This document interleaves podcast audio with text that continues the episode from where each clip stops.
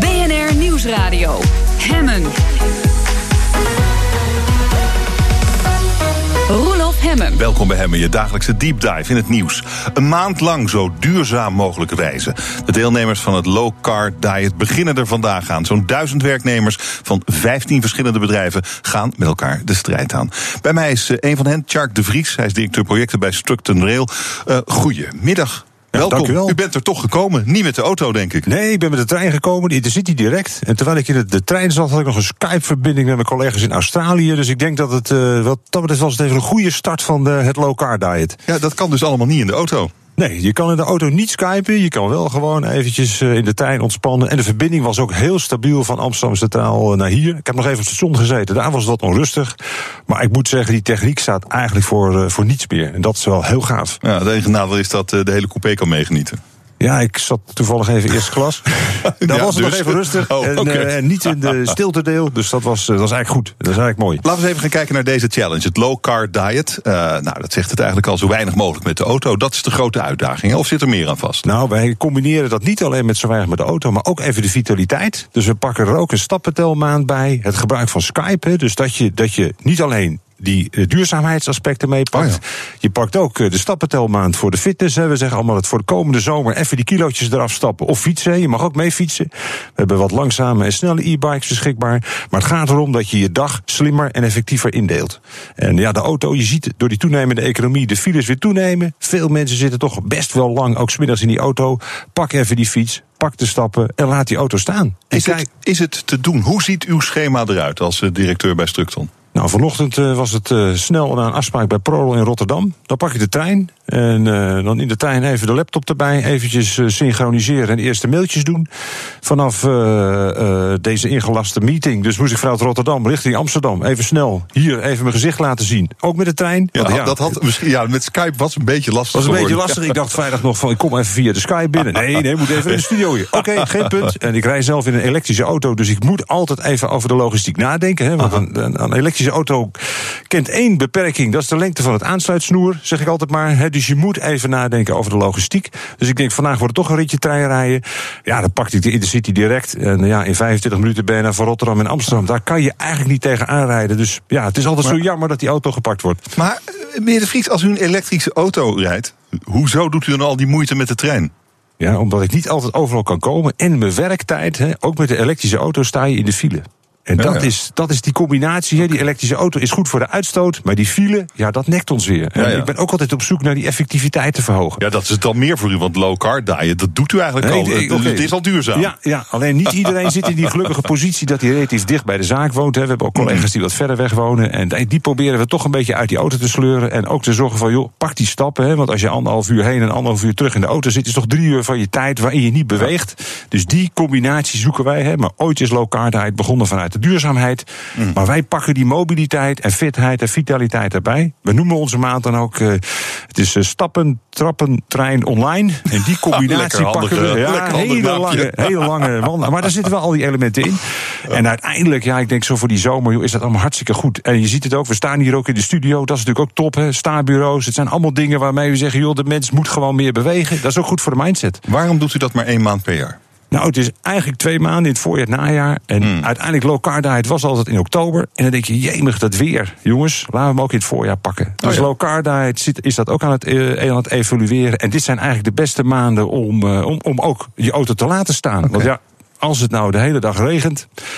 Ja, dan moet je wel heel gemotiveerd zijn om te zeggen van... Uh, ik pak toch even die trein, want ja, dat is dan toch altijd wel eens lastig. Dan stormt ja. het weer, dan regent het weer. Dan is die auto wel heel aantrekkelijk. Ja, maar weet u, die treinen denk ik nog tot daar en toe. Maar die fiets, ja, de fiets. Er is een site, kan ik hier aanraden. Het regent zo weinig in Nederland.nl. En als je daarnaar kijkt en je pakt die feiten. en je kijkt dan hoeveel keer per jaar uh, regent het nou eigenlijk. Ik heb die discussie met mijn dochters ook. Stel je niet aan, één of twee keer per, per maand. Het is niet zo erg die regen. Ja, maar het regent hier altijd. De feiten zijn toch dat het anders regent. Maar wij onthouden alleen maar die regendagen. Ah, en dat ja. is dan weer even net even jammer. En hoeveel fietst u dan?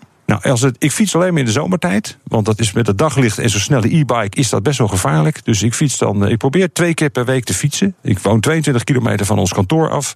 En dan ben ik een goed half uur ben ik met zo'n snelle fiets op de zaak. En uh, ja, dat is eigenlijk fantastisch. Zeker de middag terug is het heerlijk. Kan het iedereen aanraden. Uh, er zit dan natuurlijk wel, als je uh, met uh, fietsen, treinen, het is natuurlijk allemaal hartstikke goed, het is hartstikke duurzaam. Ehm, ik probeer het zelf ook te doen met de trein, maar ik merk toch wel gauw hier naar Amsterdam, dat lukt heel goed vanuit Den Bosch. Maar als ik wat, naar wat minder courante plaatsen wil, dan ben ik toch vaak echt veel te lang onderweg. Ja. Ja, ja, dat is helaas het, het overstap-issue. We zijn wat dat betreft, dat, dat is lastig. Voor- en na-transport bepaalt eigenlijk of je de stap maakt naar het ja. openbaar vervoer. Ik moet zeggen, bij elk station, die OV-fietsen, dat is ook niet onhandig. Even een kwartiertje trappen, maar dat is wel de grens, denk ik. Zo'n kwartiertje fietsen, dat vindt iedereen nog acceptabel in zijn pak. En dan houdt het even op. Weet je, maar ik denk ook als we iedereen uit de auto in de trein willen krijgen dan zitten die treinen ook zo ongelooflijk vol. Dan hebben we weer een ander probleem. Ze zitten al vol en we hebben natuurlijk voor het treinverkeer wel meer tijd nodig om die infrastructuur aan te leggen. Maar goed, uh, 5 tot 10 procent van die autogebruikers de trein in. Ja, dat is fantastisch. Is het eigenlijk verplicht bij Structon om mee te doen als je daar Nee, dat is niet verplicht. We proberen heel erg op die Hoeveel mensen doen er mee? Van de hoeveel? Van, wij doen een kleine 100 man mee met het, uh, de totale stappenmaand. En een kleine 50 met de auto's. En uh, ja, we proberen dat ieder jaar uit te breiden. Van de hoeveel van, nou, We hebben ongeveer 500 mensen die een leaseauto hebben. Oh. Dus uh, dat oh. is.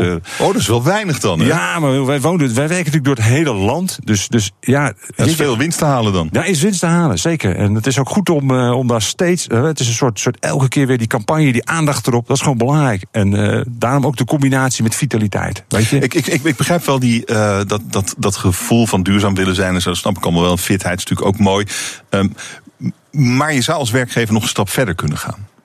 Uh, je zou bijvoorbeeld kunnen zeggen, uh, voor dit soort, voor bepaalde afstanden, als het per trein kan of per speed pedelec kan, dan laat je die auto gewoon staan, punt. Ja, ja, ja. We hoe, ver, hoe ver wilt u daarmee gaan als werkgever? Nou, ik denk dat wij. Uh, ik, ik, geloof heel. Ik, we geloven heel erg in intrinsiek motiveren. Mensen iets opleggen. Zeker in Nederland werkt dat niet altijd goed. Ja, maar nu ziet u ongeveer dat, dat maar een vijfde van uw mensen meedoet. Ja. U kunt een veel grotere impact maken als ze allemaal meedoen. Ja, ja. nou, ik denk dat, dat uiteindelijk het succes van hmm. deze sessie weer gaat bepalen dat meer mensen intekenen. En het is, uh, het, is het dwingen van mensen, daar hebben wij gewoon niet zo'n goede ervaring mee. Ik denk hmm. als, als helaas de economie nog wat toeneemt, wordt het nog drukker op de weg. En dan gaan mensen denken: goh, wat doe ik eigenlijk met mijn dag? Waarom zit ik met dit mooie weer nou in de auto en niet op een mooie fiets. Dus dat is die drive. En uh, wat dat betreft vanuit vitaliteit doorredeneren. En dan is de CO2 een fantastisch mooi bijproduct waar we als stuk toch graag aan bijdragen om dat te reduceren. Okay. Maar dan nog, u zegt uh, we werken in het hele land, dus al die mensen hebben een lease. 500 mensen hebben een leaseauto. Ja, we moeten ook storingen opheffen aan het spoor. Wel eens heel weinig hè, hebben wij maar, maar we moeten wel eens een storing. Het wordt wel steeds minder, geloof ik. Wordt wel, ja, dat wordt echt steeds minder. Dus, uh, maar oké, okay, maar da dan denk ik van nou, dat is logisch. Maar u geeft dus heel veel mensen een leaseauto. Ja. je kan ook een leasefiets geven of, of, of een, of een uh, NS business card voor business, om, voor, mensen voor met een leaseauto hebben, een, die hebben een business card. Oké. Okay, ja, dus dat hebben wij allemaal. En, maar gebruiken ze die ook ja, echt? De, mensen die dat kunnen gebruiken, gebruiken het. Maar als jij ver van een station woont en je woont ergens in de achterhoek, niet zo ver, een beetje in het, in het mooie land daar voordat je bij het station bent, ja, ben je alweer onderweg. En dan die laagdrempeligheid moeten we nog creëren. En ja, moeten we eigenlijk meer stations bouwen? Dat is toch al wat u ook doet? Ja, wij doen ook stations. Dus dat, dat juichen wij van harte toe. Meer sporen en meer stations, daar zitten we ons ding. En ja, wij zijn eigenlijk van overtuigd dat de beschikbaarheid van het openbaar vervoer gewoon... en hoe we dat de komende tien jaar nog verder kunnen vormgeven in de Randstad... gaat gewoon een grote change geven. En dan wordt het elke tien minuten een trein. Hè. U merkt dat. U, u, ja, vanuit de bos, fantastisch. Ja, u hoeft geen ja. spoorboekje meer, niks. Dus uiteindelijk moeten we dat ook met elkaar, dat succes moeten we ook creëren. En dat is wel heel gaaf. En, ja. en die auto laten staan. Ja, eh, wij proberen gezegd, maak er verstandig gebruik van. Sommige dingen dan haal je heel veel op de hals. En andere dingen, je maak er gestand van. Wij, wij leggen nu een elektrificatie aan, helemaal in Zuid-Limburg. Pakken we de trein. Want of ik nou 2,5 uur in de auto zit of 2,5 uur in de trein, je kan even effectief werken. Je kan nog je ogen eens even dicht doen, dat is in de auto ook onhandig. Dus in de trein is dat allemaal fantastisch. Dus maak daar gewoon genuanceerd gebruik van. Het is wel een challenge, het low car diet, dus er moet wel een winnaar zijn. Uh, u wilt natuurlijk winnen. Wij willen altijd winnen, maar ik vind juist de Olympische gedachte van de Coubertin is ook heel goed hier. Oh ja, meedoen. Meedoen ja, is ook ja. belangrijker dan winnen. En uh, ja, weet je, dus het is hoe meer zielen er meedoen, hoe beter het voor ons is. Wat win je eigenlijk als je wint? Nou, je, wint, je kan een elektrische auto proefrijden. Je kunt uh, nog een paar andere cadeauzaken krijgen. En in ons bedrijf doen we ook allerlei stimulatiebedrijven met een ecobon. En uh, gewoon nog eens even wat, uh, nou ja, wat, wat leuke gadgets om mensen vooral te stimuleren om een leuke foto te maken. Of ja, de meneer die het meeste progressie heeft gemaakt. Of weet je, het is, wij blokkeren bijvoorbeeld ook een lift. Want dat dwingt mensen om uh, oh. even, ja, dan moet je langer op de lift wachten. Dan neem je toch eerder de trap. Dus dat zijn ook allemaal dingetjes die je bedrijf prima kan doen. Even van de twee liften er één blokkeren. Nou, daar komt natuurlijk weer een hoop commentaar op. Maar dan denken mensen, ach, ik word toch weer even geprikkeld. Dus daar wilt u wel die dwang op leggen? Ja, heel, nou, dwang, een beetje stimuleren noem ik het maar. Oh, ja, Maar dit zou het hele jaar door kunnen? Ja, Alleen, maar, maar, u doet het maar één maand. Nee, we, doen het in oktober nog een keer. Ja, oké, maar goed. Maar het is steeds maar één maand achter elkaar. Ja, ja, en nou ja, weet je, het idee is wel dat we steeds door verrassende campagnes mensen langzaam in beweging krijgen. En als ik kijk met vijf, zes jaar geleden, dan zijn we al veel meer in beweging. Toen waren het maar een paar man die dat deden. Dat waren de freaks. En nu zie je al, het is steeds normaler. En dat is wel het mooie. Weet je, uiteindelijk de timing is belangrijk. Ook zo'n fenomeen als Skype vijf jaar geleden was dat nog niet. Maar dat je gewoon op je telefoon, op je laptop over kan skypen. Je hoeft nergens heen. Je kan er gewoon zitten. Je kan het allemaal organiseren. Dat maakt die combinatie met slimmer over je werk nadenken gewoon heel voor de hand liggend. Waar gaat u nou heen? Ik ga nu weer terug naar Maarsen. Dan loop ik zo weer naar het station hier. En dan uh, ga ik even in de trein zitten. Pak ik even mijn koffietje. Heerlijk. En dan ben ik in Maarsen weer helemaal klaar. Fit to go. De Low Car Diet Challenge. Hartelijk dank, Tjark de Vries, directeur projecten bij Structon Rail Nederland. Dank u wel. Graag gedaan. En een goede reis. Dank je wel. Alles is te vervangen door een robot, zelfs een baby. Al was het maar omdat je dan een tijdje kunt wennen aan huilen, luiers verschonen en flesjes geven. Zometeen alles over de babyrobot. BNR Nieuwsradio. Van goed naar beter. Er gaat heel veel goed in ons land, maar laten we vooral ambitieus blijven. Het kan altijd beter. Vandaag in Van Goed naar Beter de robotbaby. Er wordt al een tijdje mee gewerkt, bijvoorbeeld bij tieners die moeder willen worden. En hm, is dat misschien wel een goed idee? En lukt het die robotbaby dan om hen op andere gedachten te brengen? In elk geval hen te laten realiseren wat het betekent om een baby te hebben. Ik ga erover praten met Veronique Groen en Sandra Stallinga, allebei van jeugdzorginstelling De Rading. Welkom, mooi dat jullie er zijn. Bedankt, ja. En daar is de baby. Jongetje, meisje? Meisje. Hoe heet ze? Mag je zelf verzinnen. dit is een robotbaby. Nou, uh, hoe werkt dit? Uh, de baby is ingeprogrammeerd en uh, die heeft allerlei verschillende standen. Maar eigenlijk gaat het om dat de baby nodig heeft wat een echte baby nodig heeft. Ja, daar begint het al. Daar gaat dit is het... lang geleden. wat ga ik nou doen? Ik heb hier een huilbaby. Nou ja, wat zou je doen bij, uh, bij een eigen kind? Oh, nou, wiegen, wiegen, wiegen. kom maar. Oh, ja, stil maar, stil maar, stil maar, stil maar, stil maar. Ja, je bent een lieverte. Stil maar. Ja, en baby, nu? Uh, nou, je moet even, even troosten. Nee, nee oh, soms kan het eventjes dus duren. Echt... Oh, jeetje, nou. Uh, Oké. Okay. Uh, waarom heb ik hier die baby? Ik voel stress nu. Ja, ja dat, klopt. Ook. Ja, maar dat is heel mooi, hè? Want dat roept een eigen kind ook op. Op het moment dat hij heel erg aan het huilen is, dan wil je gewoon het liefste dat je kindje stil is. Ja. En dat het zich weer lekker voelt. En dat is nu ook het, gevoel, het geval. Het gaat nu goed, hè? Ja, het gaat, gaat gebeuren. Oh nee, niet hard praten. Iets meer zo, zo. Iets meer zo, ja. Beetje zo, een beetje, beetje op en neer. Niet heen en weer, maar op. Ja, beetje oh, Oké. Okay. En wat is het idee nou precies achter deze robotbaby? Hou eens op zeg. Wat is het? Uh, nou, wij uh, zijn allebei werkzaam bij een andere tak van sport binnen de rading. En uh, binnen pleegzorg willen we de baby inzetten bij ouders waarvan hun pasgeboren babytje uit huis is geplaatst. Mm. En, dit geeft... Maar dan is er dus al een baby. Ja, dan is er al een baby. Ja, dat klopt. En uh, die is dan uit huis geplaatst. En dan willen wij met deze baby, met ouders, ja, gaan coachen, zeg maar. Uh, als het gaat om de basisverzorging. Ja, zoals ik nu precies goed sta te wiegen en de baby zwijgt. Dit is goed. Maar ja. dan moet ik wel dit blijven doen natuurlijk, anders gaat ze weer. Uh, en, maar dan is een baby dus uit huis geplaatst. Dan is er dus iets misgegaan. Wat is er dan doorgaans misgegaan tussen moeder, tussen ouder en ouders en kind? Ja, dat kan heel breed zijn. Uh, wat je, ja, dat ouders gewoon onvoldoende in staat zijn om te bieden wat de baby nodig heeft. He, dus dat er sprake is van bijvoorbeeld verwaarlozing, of dat ouders eh, dermate eigen eh, persoonlijke problematiek hebben, waardoor ze onvoldoende beschikbaar zijn voor de baby. Ja, dan is de baby dus uit huis gehaald. Ja. Dat is heel ingrijpend natuurlijk. Absoluut. Uh, ja. En dan moet er ook echt sprake zijn van gevaar voor de baby. Klopt. Dus de baby is weg. En dan moeten die ouders dan weer voorbereid worden op dat die baby weer terugkomt of op een andere baby. En dan komt de robotbaby in het spel. Klopt. Na een uithuisplaatsing hmm. is het, uh, het doel om zo snel mogelijk uh, te kijken of ouders weer zelfstandig voor de baby kunnen zorgen. He, kinderen horen bij hun eigen ouders te zijn. Uh, en wij hebben dan een heel breed pakket eigenlijk aan hulpverlening dat we aan kunnen bieden. En de robotbaby een... is dan ja. een heel klein onderdeel daarvan. Ja, ja. Maar dan krijg je dus een week lang die baby. Ja. En die zit vol sensoren, hè? Klopt, ja. En die huilt als het niet goed gaat. En dan moet je wat doen. Ja. En dan, eh, dan moet je wat doen. En zoals ik dat nu doe, gaat dat goed. Um, dan leren mensen dus iets. Ze, ze, ze, leren iets wat ze nog niet konden. Anders was die baby niet weggehaald natuurlijk. Klopt. Ja, eh, we zetten echt de baby in uh, daar waar, het, uh, waar de zorgen waren over de basisverzorging eigenlijk al hmm. voor een kind. En dan kun je dat ook monitoren. Dan zie je ook hoe vaak de baby gehaald heeft, hoe lang de baby gehaald heeft, was er een flesje in.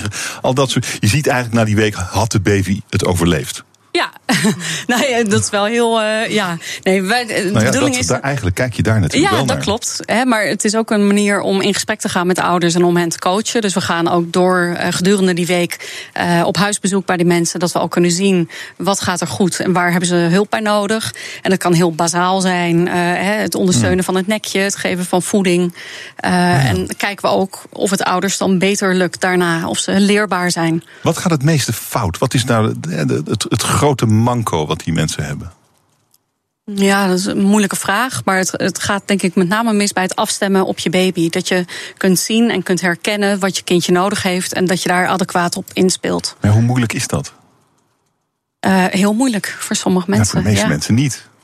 Voor dus heel hoe veel komt mensen het dan niet. dat het voor die mensen. Want het gaat jaarlijks toch om een paar honderd baby's.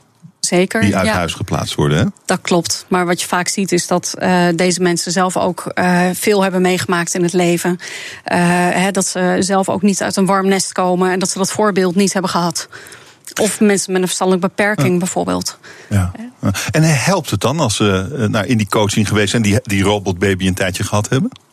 Tot op heden hebben we het niet heel vaak nog ingezet. We hebben hem net uh, precies een paar weken. Mm-hmm. Maar dan zien we wel dat die mensen heel goed leren van... oh, het is een baby huilt. Oh, nu een schone lui. Dat ze echt gaan ontdekken wat de baby nou nodig heeft... en waar welk huiltje voor staat. Net zoals met een eigen kind. Ruik, ruik ik nou wat? Nee, dat nou, kan niet. niet.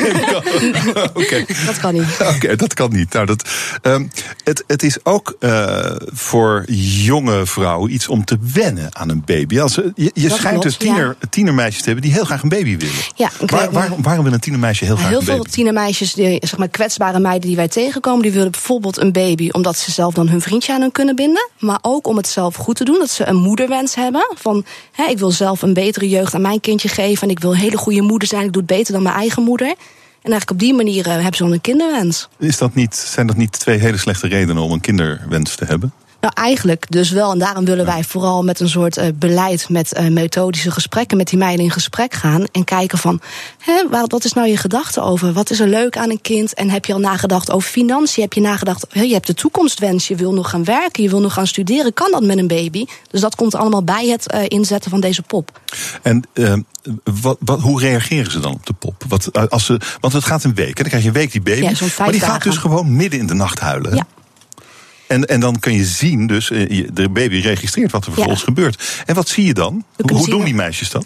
We zien eigenlijk of ze adequaat gereageerd hebben. En we zijn nu eigenlijk vooral bezig geweest in het stuk waar Sandra voor werkt. We gaan het nog bij mij in de meidenhulpverlening inzetten. Mm -hmm. En wat je nu wel hebt gezien is dat de mensen wel adequaat reageren. Dat ze echt gaan ontdekken, oh, de baby huilt. Een flesje, nee. Oh, schone luier. Oh, het nekje. Dat ze eigenlijk gaan ontdekken van, oh, dit huiltje staat daarvoor. Ze zijn heel goed aan het, naar de pop aan het kijken, naar de robotbaby. Ja, dus, maar eigenlijk dan komen ze een soort examen doen voor een baby krijgen. Nee, dus dan, niet. dan komen ze uit die week en zeggen, nou, dat kan ik dus.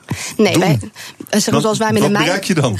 Nee, we zetten hem echt in van, uh, om een realistisch beeld te creëren. Ja. Van wat betekent het om een kind te hebben. Daarom laten we hem ook bij die kwetsbare meiden. Ja, maar als, als zo'n meisje van 16 dan denkt, nou, dat gaat prima met zo'n baby, dat kan ik wel. Dan hebben, we ja, dan hebben we het niet tegengewerkt. Haar, haar wens was om Aha. een, moeder te worden. Dan heeft ze nu alleen een realistische beeld ervan gekregen. En, in, welke, in welke zin is dat goed? Een lastige vraag. In welke zin het goed is dat zij. Ja, ja wat doe je dan voor goed als je een, een, een meisje van Dat 16 weet ze waarvan je eigenlijk kunt aanvoelen, nou, Ja. doen we maar even niet zo'n baby. Dat ze dan, dat ze dan juist gesterkt wordt in haar wens om dat te doen. Ik zie dat wel anders. Of Dan niet? weet ze in ieder geval waar ze aan begint. Dan weet Oh, ze in ieder geval wat ze kan verwachten. En daarnaast heb je natuurlijk eh, eh, nog het fysieke stuk ook wel. Maar dan reageert ze in ieder geval of ze realiseert zich van... dit heeft een baby van me nodig. Oh, ik wil vaak s s'avonds met mijn vrienden naar buiten. Oh, nu moet ik mijn baby meenemen. Kan dat wel? En ik had de wens om nog eh, deze opleiding af te maken. Maar die opleiding, hè, hoe ga je dat doen met een baby? Ja, want je moet hem de hele dag bij hebben. Ik steek, Ja. Hij begint nu ook al gewoon een beetje wel te wegen. Ook. Maar ze is wel stil. Dus ik, ik doe hier iets goeds. Ik zit nog even na te denken over dat idee van examen doen. Hè, bij die uithuisplaatsing bijvoorbeeld. Dat is, dat is natuurlijk hartstikke erg. Baby uit huis geplaatst. Maar goed, dan zijn er ook wel verschrikkelijke dingen gebeurd waarschijnlijk. Of dreigen er te gebeuren. En dan, ehm, dan heb je dat gedaan. En dan is het gelukt. Kon je voor de robotbaby wel goed zorgen. Krijg je dan je eigen baby terug? examen gedaan, geslaagd. Hier is die weer. Zeker niet. Nee, we hebben het hier echt puur over de basisverzorging van een baby. En er komt natuurlijk zoveel meer kijken uh, bij het opvoeden en het verzorgen van een kind. Uh, en daar hebben we ook weer uh, hulpvarianten voor om ouders daarin te coachen. He, maar dit gaat puur over die allereerste basis. Dus het zegt zeker mm. nog niks mm. over of ze weer voor een eigen kindje kunnen zorgen. En dat wordt ook vooraf gezegd tegen de ouders. Het is niet dat zij denken, wij gaan nu met deze robotbaby oefenen en dan als het goed gaat krijg ik mijn kind terug. Zij weten, ze zijn gemotiveerd om hieraan te werken, om te ervaren hoe het ouderschap is. Ja. Um, en hoe vaak zijn jullie van plan, het is nog maar net, maar hoe vaak zijn jullie van plan de robotbaby in te zetten? Zo vaak als kan. Ja, zo vaak als dat nodig is. Wat kost dat eigenlijk, zo'n baby? Een paar duizend euro. Een paar duizend euro. Ja, het zit helemaal vol apparatuur natuurlijk. Absoluut, ja. Nee, dat eh, is uh, mede dankzij een uh, innovatiefonds, zeg maar, dat wij de baby's hebben kunnen aanschaffen. Ah, okay. Dus dat is fantastisch. Ik, ik zit me af te vragen, zou het ook wel eens echt helemaal misgaan? Weet je wel, dat iemand zo doodziek wordt van dat gehuil de hele tijd dat hij gewoon de robotbaby uit het raam gooit? Maar daarom hebben wij ook. Uh, gebeurt dat ook? Nou, dat hebben ze gelukkig nog niet meegemaakt. Nee. Maar we hebben wel echt contact met de ouders of de jonge meiden die voor de pop, voor de robotbaby gaan zorgen. Wij hebben, we zijn bereikbaar. En we geven ook aan mocht je het echt uh, zat zijn dat je niet weet wat je kan doen, bel ons dan. Komen we er direct ja. aan. Maar ook dat is wel weer heel ja, mooi of, om. Of ik er aan het huilen kan krijgen nu, hè? Nee, want Volgens mij heb je eruit gezet. Nee. Ze gaat zo hoesten. Oh, hoesten? Oh, oh, oh. Ja, nu deed ik. Ik hou er dus vast aan een beentje. Ja, dat dan gaat ze huilen. Vind, maar dit, is dus, dit doen mensen met een baby. Dus. Ja, nu wordt inderdaad bij ons geregistreerd dat er oh, een te ruwe behandeling is. Maar dat is juist wel weer voor ons mooi om daarover in gesprek te gaan met ouders. Van wat doet het met je op het moment dat je baby zo oorverdovend aan het krijsen is? He, want daar kunnen mensen heel erg geprikkeld door raken en boos om worden. Ja, zo, zo gaan uh, baby's dood, hè? Ja, precies. Ja. ja. En dat is dan fijn dat ze het met deze pop kunnen oefenen in plaats van met hun eigen baby. Ja, Real Care Baby heet die. Ik vind wel zijn naam moet krijgen eigenlijk. Ja, we laten ouders ja. zelf kiezen, oh, ja, zodat ze een binding voelen met de baby. Ik vind, het een, uh, ik vind het een schitterend project. Hartelijk dank voor dit gesprek. Veronique Groen en Sandra Stallinga van jeugdzorginstelling De Rading. Dank jullie wel. Graag gedaan. BNR Nieuwsradio. Hemmen. Hemmen. Fijn dat je luistert naar Hemmen, je dagelijkse deep dive in het nieuws. Mijn gast is filosoof Simone van Saarloos. Ze volgde het minder-minder-proces tegen Geert Wilders... waarin die is veroordeeld wegens het aanzetten tot discriminatie. Over een paar dagen begint trouwens het hoge beroep in die zaak. Zij zat daar niet bij als journalist... maar vooral omdat ze gefascineerd is door het fenomeen Geert Wilders. Ze schreef er het boek Ens over. Simone van Saarloos is bij me. Welkom, mooi dat u er bent. Dank je wel. Ens. Best een, best een merkwaardige titel voor een boek. Ja, nou ja, het refereert natuurlijk naar enzovoort. Hè? Dus toch een afkorting. Um, en het was toen het verkiezingsprogramma, uh, het ene A4'tje dat uh, Wilders zelf uitbracht... waarin stond laten we alsjeblieft bezuinigen op... en dan was er milieu en er was kunst enzovoort. Ja, en eigenlijk vond ik dat heel ja. filosofisch. Het is ja. natuurlijk een beetje triest, maar het is ook... Uh, omdat het zo ontzettend onbeduidend is. Hè, van wat is dan die enzovoort? We kunnen wel bezig blijven.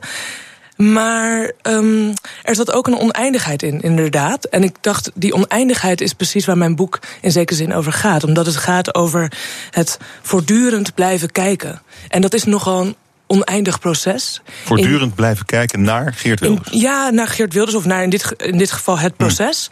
Hm. Uh, en alles Aha. wat daarbij hoort. En ik zeg oprecht alles wat daarbij hoort. Dus daarom zeg ik ook, het is een oneindig ja, proces. Ja, ja. Omdat het niet de grote lijnen zijn die je in de krant leest. Nee. Maar, nou ja, enzovoort is een heel open uh, ja. vraag eigenlijk. Ja. Wat, wat, wat vindt u zo fascinerend aan Geert Wilders dat u daar zoveel tijd in heeft gestoken? Het was niet zozeer Geert Wilders wat ik zo fascinerend vond, maar meer ons, het feit dat wij daar al zoveel tijd in hebben gestoken. En met wij bedoel ik wij als maatschappij. Um, het feit dat hij sinds in ieder geval 2006 actief is en behoorlijk veel aandacht krijgt. Het is niet zo dat ik eigenlijk, in eerste instantie wilde ik helemaal niet me met Wilders bezighouden. Maar het was meer dat ik dacht, ik kan niet, me niet met iets bezighouden wat ons blijkbaar bezighoudt. Uh, Oké, okay, dat, maar dat, dat, dat is dan de filosofische benadering. Mm -hmm, zeker, ja. ja. En, uh, en wat vervolgens ook de filosofische benadering uh, zou kunnen worden genoemd, is dat je daar gaat zitten en inderdaad je zegt, hè, van waarom ben je geïnteresseerd in het fenomeen Wilders? Is dat Wilders eigenlijk zo'n fenomeen geworden is en alles wat daarbij hoort is zo'n fenomeen geworden is, dat je op het moment dat je de naam Wilders hoort al bijna wegkijkt, of je kijkt er naartoe, je juicht of je kijkt weg. Dat is het een beetje. En ik merkte bij mezelf dat ik steeds meer ging wegkijken. Want ik ben niet geïnteresseerd in Wilders. Maar er is iets waardoor hij constant aanwezig blijft. Dus dan moet je gaan kijken. Hmm. En dat is de vraag die ik me heb gesteld. Hoe kun je gaan kijken? Misschien niet zozeer um, wat kun je zeggen over Geert Wilders, maar hoe kun je ernaar gaan kijken? Een manier van engageren. En, en, Oké, en, en daarom wil je natuurlijk bij dat proces zijn. Hoewel die er eigenlijk maar twee keer geweest is. Hè? Drie keer ongeveer, Drie keer, ja. Dus, maar daarom wil je per se bij dat proces zijn. Dat, al die, bijna al die procesdagen sta, staan in het boek. Ja. En uh, je zit daar dan en je hebt, uh, je hebt observaties die journalisten niet zouden maken.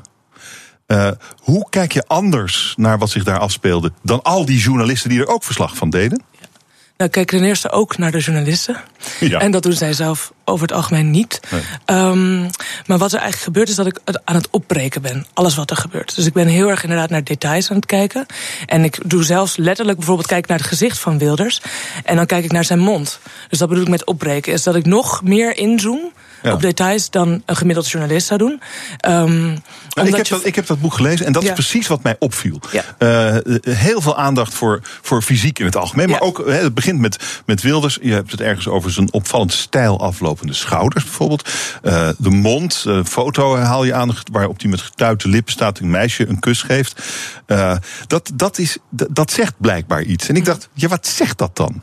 Ja, dat is een hele goede vraag. En die vraag kan ik niet per se beantwoorden. Maar het is meer dat op het moment dat we kijken naar het proces, dan zie je dat een veroordeling, hij heeft geen straf gekregen, maar hij is wel veroordeeld voor het aanzetten tot discriminatie, dat dat eigenlijk geen effect heeft op het parcours van Wilders. Dus blijkbaar heeft een strafrechtelijke vervolging geen effect. Wat heeft dan wel effect op Wilders? Is een vraag. Hè? Wat, wat zou zijn koers kunnen veranderen? Um, want als we concluderen dat hij discriminerend bezig is, dat zouden we niet willen. Misschien als maatschappij, zou je kunnen zeggen. In ieder geval als ik ben duidelijk een links persoon, dus ik vind het frappant dat Wilders zo aanwezig blijft en zo populair blijft. Dus ik ben niet zozeer gaan vragen wat kunnen we tegen Wilders gaan doen of wat kunnen we uh, vanuit een oplossing te gaan denken. Maar te gaan kijken van misschien zit de oplossing wel in hoe we ons verhouden tot de problematiek die in dit proces wordt aangezwengeld. Maar dan ben ik nog niet bij die, bij die, bij die beschrijving van zijn fysiek. Die snap ik dan toch nog niet. Nee, het is een hele belichaamde manier van denken die ik aanhang. Dus het is ook inderdaad vanuit de filosofische traditie waar ik uitwerk. Oh, oké. Okay. Um, en ik hoef hier niet met termen te gaan smijten, want dat doe ik in het boek op zich ook niet. Nee, nee, dus maar ik het is wel opvallend. Ik zie ja, het het is zeker opvallend. Nee, en ik bedoel, ik haal het ook aan. Het begint ook wel met Donna Haraway en Anat Singh. Uh, voor de mensen die uh, het fijn vinden om naar het nieuwe materialisme te verwijzen.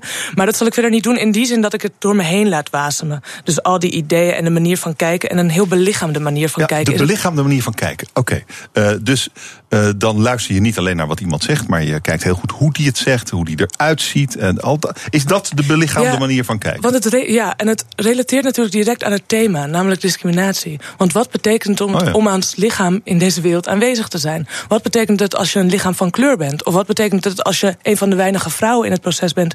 In een proces waarbij eigenlijk alleen maar mannen worden geciteerd. Of het nou gaat om de casussen, de rechterlijke casussen of de juridische casussen die worden aangehaald. Of de columnisten die zo uh, welig worden uh, geciteerd door de advocaten. Um, of doordat de journalisten voornamelijk man zijn bijvoorbeeld. En dat er een bepaald soort mannelijke manier van kijken is, naar mijn inziens. Omdat er grote lijnen worden geschetst.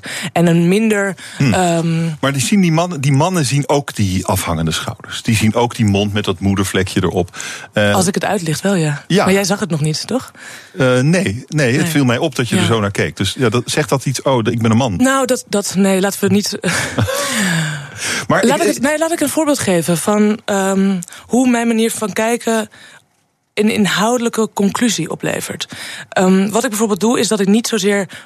Kijk, op een gegeven moment is het heel duidelijk dat je alle fotografen komen binnen. En als Wilders er is, je zei zelf al, hè, Wilders is er weinig. Nou, um, als hij er is, dan zijn die fotografen helemaal gretig. Ze gaan erop af. Ze weten precies wat ze moeten fotograferen.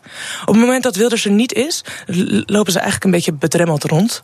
Uh, weten ze niet zo goed waar ze zich op moeten richten. Dat is natuurlijk opvallend. Uh, dus dat zie je eigenlijk alleen als je heel lichamelijk kijkt. Want dan zie je een beetje zo die Mhm. huiver of die aarzeling. Nou, vervolgens dacht ik dus, blijkbaar moet ik niet kijken naar waar iedereen kijkt, maar moet ik naast dat kijken waar iedereen naar kijkt. Wat me bijvoorbeeld opviel was de griffier. Dat is iemand die juist helemaal niet opvalt. Dat is zijn taak. Um, in dit geval was dat de enige persoon van kleur in de, in de rechtszaal.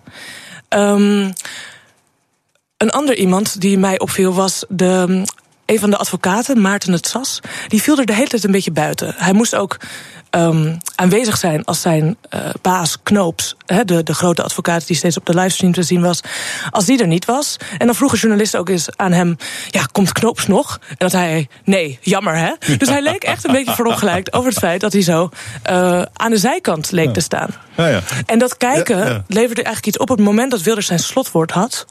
Namelijk toen dit hij in het slotwoord, het allerlaatste slotwoord op november 23, 23 november. Toen zei hij bijvoorbeeld PVV-stemmers, u kent ze wel. De tuinier, uh, de chauffeur, had hij het dan over de rechters. Moest hij even een punt maken natuurlijk dat het hele elitaire rechters hadden... die alleen maar mensen in dienst hebben. En dan zei hij of de vriendin van de griffier. En toen keek de griffier ineens op... En je zag hem echt zo even kijken van, oh, ik word genoemd. Het was voor het eerst in het proces. Wat hij ook deed, in diezelfde speech refereerde hij naar Maarten het Sas, de advocaat die dus altijd een beetje aan de zijkant hing. Want hij zei, uh, wat voor mij verdraagzaamheid is, uh, is voor een ander weer heel iets anders. Namelijk, bijvoorbeeld wat voor Maarten het Sas verdraagzaamheid is, is het helemaal niet voor u. En je zag Maarten het Sas kijken, ik word genoemd. Dus zo zie je dat mijn kijken naar waar niet gekeken wordt, opeens relateerde aan uh, of vergelijkbaar was met de manier waarop Wilders keek. Dat heb je dus met hem gemeen? Heb ik met hem gemeen. Of mijn manier van kijken hielp mij om iets te zien wat Wilders doet. Namelijk mensen aan de zijkant erbij betrekken. Mm. En dat vind ik best wel een observatie waard. Maar wat zegt het? Wat bedoel je met de vraag? Wat, wat zegt, het? over Geert Wilders? En wat zegt het over zijn politiek dat hij uh, op diezelfde manier kijkt als jij? Blijkbaar. Nou, ik zou dus niet zeggen dat ik op dezelfde manier kijk als hem, maar ik zou zeggen dat mijn manier van Oh ja. kijken een andere conclusie oplevert of een andere analyse vooral, want geen conclusie. En ik zeg dus niet van wat zegt het in de zin van oh nu moeten we zus of zo doen, Hmm. maar ik zeg eigenlijk meer van hoe we ons tot nog toe verhouden tot het fenomeen Wilders of middels een proces bijvoorbeeld of in de media heeft blijkbaar niet opgeleverd dat we ons vruchtbaar verhouden. In die zin dat het nooit nieuwe inzichten oplevert. We komen steeds met dezelfde analyses over waarom Wilders populair is. En blijkbaar zijn het niet zulke steekhoudende analyses. Want ze doen niet zoveel. Dus mijn idee is, als we nou anders zouden kijken, zien we dan ook andere dingen? En gebeurt er dan misschien ook. Um, gebeurt er dan ook iets anders met de werkelijkheid? Ja, dat is natuurlijk een hele filosofische blik. Hè? Dat Mm. als je anders gaat kijken, dat de werkelijkheid ook verandert. Een ander voorbeeld wat ik je daarvan kan geven is dat ik. Um, het zelf zo vreemd vond dat mijn aanwezigheid in de rechtszaal helemaal niks deed. Niet omdat ik het ben, maar omdat ik gewend ben dat als ik een ruimte instap, dat er op je gereageerd wordt. En nogmaals, niet omdat ik het ben, maar omdat we altijd op de ruimte reageren en de ruimte reageert op ons. Jij en ik reageren op elkaar. Dat zit vaak heel subtiel, dat zie je niet direct. Maar in de rechtszaal zijn er allerlei rituelen opgezet die ervoor zorgen dat niemand er echt toe doet. Want het gaat niet om personen, het gaat om de structuren. Oh ja. ja, dat is een mooie waarneming. Als je daarnaar gaat kijken, dan kun je je ook gaan afvragen: wat betekent het eigenlijk dat we op deze protocolmatige manier in de rechtszaak met elkaar omgaan? Omdat het op een bepaalde manier heeft het proces misschien wel een persoonlijke benadering nodig. Maar dat vinden we heel gevaarlijk. En wat kwam Simone van Saarloos nog meer te weten over de mens Wilders? Ik vraag het haar zo. BNR Nieuwsradio. Mijn gast is Simone van Saarloos. Zij is filosoof. Ze heeft een boek geschreven over het Wildersproces. Het boek heet End. Um, we hadden het over hoe je kijkt naar mensen en uh, hoe je naar Wilders hebt zitten kijken. En heeft je dat iets meer uh, opgeleverd aan kennis over wat voor soort man die Wilders is? Is, is zijn er conclusies te trekken? Nou, niet, geen psychologische conclusies. Filosofische conclusies. Filosofische conclusies. um, nou, een van de dingen die mij het meeste raakte, is misschien wel dat er bijna geen uitweg lijkt voor hem als persoon. Uh, want zijn beveiliging wordt natuurlijk betaald door de Hmm. mm. overheid. Uh, zijn huis, de, de bunker waar hij in zit, of volgens mij is het geen bunker, maar goed, wordt betaald door de overheid. En ook wat ik heel interessant vond, is dat hij zei in een van zijn uh, speeches, want je zei inderdaad, hij is maar drie keer geweest, maar hij heeft behoorlijk lang het woord gehad, die aantal mm. keren dat hij mm -hmm. er was. Uh, dan zei hij: wie, wij wil stop, wie mij wil stoppen, moet mij vermoorden. En dat raakte me erg, omdat ik vroeg me af, wat nou als zijn, wat is zijn doel? Als zijn doel zou zijn, zijn politieke doel zou zijn, de-islamiseren, wat hij steeds verkondigt, dan zou die moeten zeggen: wie mij wil stoppen, moet ervoor zorgen dat alle moslims in Nederland zich bekeren. Bijvoorbeeld. Want dat zou dan zijn politieke doel zijn. Maar hij zegt: wie mij wil stoppen, moet mij vermoorden. Dus Dat er is maakt geen einde heel aan. Er is, persoonlijk. ja, er is, Ja. Geen, er is geen einde aan. Er is dus eigenlijk helemaal geen politiek doel. Het is doorgaan is zijn doel. En dat is een van de dingen die mij het meest raakt, omdat het ergens heel triest is, heel vast zit. Je schrijft ergens in het boek, eh, en dat vond ik een mooie observatie. Mijn ervaring is hoe minder vaak je iets meemaakt en hoe minder vaak je ergens komt, hoe groter en duidelijker zijn de waarheden die je ziet. En ehm, dat heeft ook te maken met de bubbel waarin deze man al twaalf jaar leeft. Je wenst het niemand toe. De hele dag zit hij in de beveiliging. Dat is verschrikkelijk. Maar het heeft dus ook een effect op wat hij ziet en op, eh, op zijn, zijn opvattingen. Die steeds harder en duidelijker worden. Dat is denk ik wat je daarmee Ja. bedoelt, hè? Absoluut. Nee, en je vroeg ook eerder van wat is nou het effect van jouw manier van kijken? En dat is misschien wel precies dat je zei net ehm, dat, dat ik alles beschrijf. En dat is inderdaad wat ik doe. En dat is een tegenwicht eigenlijk op hoe Wilders kijkt. Want die heeft helemaal geen mogelijkheid om alles te bekijken, te bezien en eh, te beschrijven of tot zich te nemen. En dat zit deels inderdaad in het feit dat hij gewoon totaal geïsoleerd en afgesloten is. En het zit natuurlijk ook in het feit dat als je een ideaal aanhangt wat gewoon maar door moet stomen, wat maar waar moet blijven, dat je helemaal niet ontvankelijk bent voor, voor tegenargumenten bijvoorbeeld. Maar het is ook zo dat hij natuurlijk überhaupt geen tegenargumenten op een letterlijk niveau, op een concreet niveau, geen tegenargumenten tot zich krijgt. Want hij hij nooit- twittert gewoon. Hij ziet nooit iemand die er anders over denkt, bedoel je? Hij ziet nooit iemand die er anders over denkt. En als er iemand ziet die er anders over denkt, dan weet hij dat. Dus ik beschrijf bijvoorbeeld in mijn boek ontmoetingen. eh, dan kom ik eh, iemand tegen, gewoon op straat, die opeens haar of zijn mening over mij uitstort. En dat is een totaal eh, tegengestelde mening tot hoe ik naar het leven kijk. Maar ik krijg dat gewoon tot mij. Want dat is wat je doet als je leeft en je interacteert. Dan kan het zomaar zijn dat je mensen tegenkomt die met een heel ander wereldbeeld eh, jou, ja, ja, je kunt zeggen verrijken of in ieder geval confronteren. Dat gebeurt bij Wilders niet natuurlijk. Want het is, zijn hele leven is een protocol geworden. En daarom vraag ik mij ook af of de rechtbank, wat ook zo protocolmatig is, eigenlijk wel een tegenwicht kan bieden Ja, nou op het protocol De- van nu, wordt het, Wilders. nu wordt het heel filosofisch. Te filosofisch? Nou ja, heel filosofisch. Ja, wat fijn is aan het boek is dat je constant die details hebt, waardoor je er zo doorheen eh, beweegt. Mhm. En inderdaad, als je mij nu vraagt een aantal punten naar boven te halen, dan krijg je eigenlijk weer dat je eh, heel veel nadruk legt op een soort van eh, de, de, de grote lijnen die erin zi- zitten. Maar je, je, Ehm, bent wel, je bent er wel diep in gedoken. Je bent ook naar Israël gegaan. Want hij, hij heeft natuurlijk eh, jaren geleden, een paar jaar in een soort kibbutz eh, gewerkt. En daar ontmoet hij een vrouw die zich hem nog herinnert. Ja. En wat was haar herin- herinnering aan hem? En wat zei jou dat? Nou, het was eigenlijk maar de vraag of zij hem echt herinneren. Oh. Ehm, ze was daar. Ze zei namelijk, ik zou hem ook herinneren als hij niet bekend zou worden eh, Hmm. zijn ge- geweest. Ehm, maar het was heel duidelijk dat. Zij was heel vaak gebeld door journalisten. Oh ja. Ehm, dus misschien moet ik twee dingen scheiden. Ik zal zeggen hoe zij inderdaad reageerde. En ik zal vertellen waarom ik naar Israël ging. Omdat ik inderdaad. In, ik begon met eigenlijk de klassieke wens om hem te begrijpen. Dus ik ging die tocht maken van ik ga hem achterna. Nou, ik kwam er heel snel achter dat je dus niet ergens achteraan moet gaan. Want dat is nou precies wat journalisten bijvoorbeeld bij Wilders doen, is eigenlijk er achteraan gaan. Sorry dat ik het zo zeg bij een journalist. Maar desalniettemin. Um, en de tweede was inderdaad van hoe werd er gereageerd in die moshav, uh, dus in een soort kibbutz. Um, ja, zij had. Het was heel interessant, want zij herinnerde hem niet zozeer als persoon, maar ze herinnerde hem natuurlijk als politicus nu. Dus haar herinnering van toen was volledig gekleurd. Uh, Door de man die ze nu kent? Ja, en door het Ah, feit dat er voortdurend journalisten belden. Uh, maar wat heel interessant was, is dat zij de hele tijd zei van ja, het was niet politiek, het was niet politiek. Dus zij legde eigenlijk direct neer van nou, het ligt niet aan de moshav, het ligt dus niet aan zijn verblijf Aha. hier, um, dat hij uh, die kant op is gegaan. Een ander ding wat je hebt gedaan is, je bent naar Heerlen, Heerlen zeg ik goed, Heerlen gegaan om daar carnaval te vieren. Ah, ik ben naar Venlo geweest. Nou, ja, ja, dat, hij, komt, hij Ja, komt uit Venlo, komt niet uit. Heerlen, sorry. Uh, maar je bent daar naartoe gegaan, verkleed als Geert Wilders. Compleet met het moedervlekje op zijn uh, bovenlip. Ja, ja. En oogpotlood. Ja. Waarom doe je dat?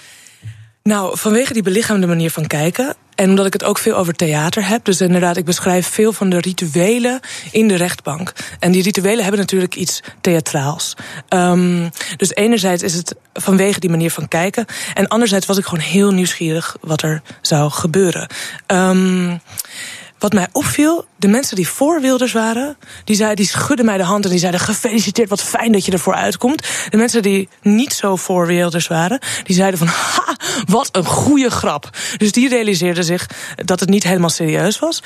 En de mensen die voor waren, die zagen het dus als een steun. Dus mensen zagen eigenlijk precies wat ze wilden zien.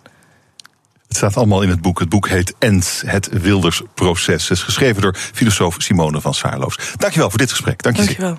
Rechtszaken.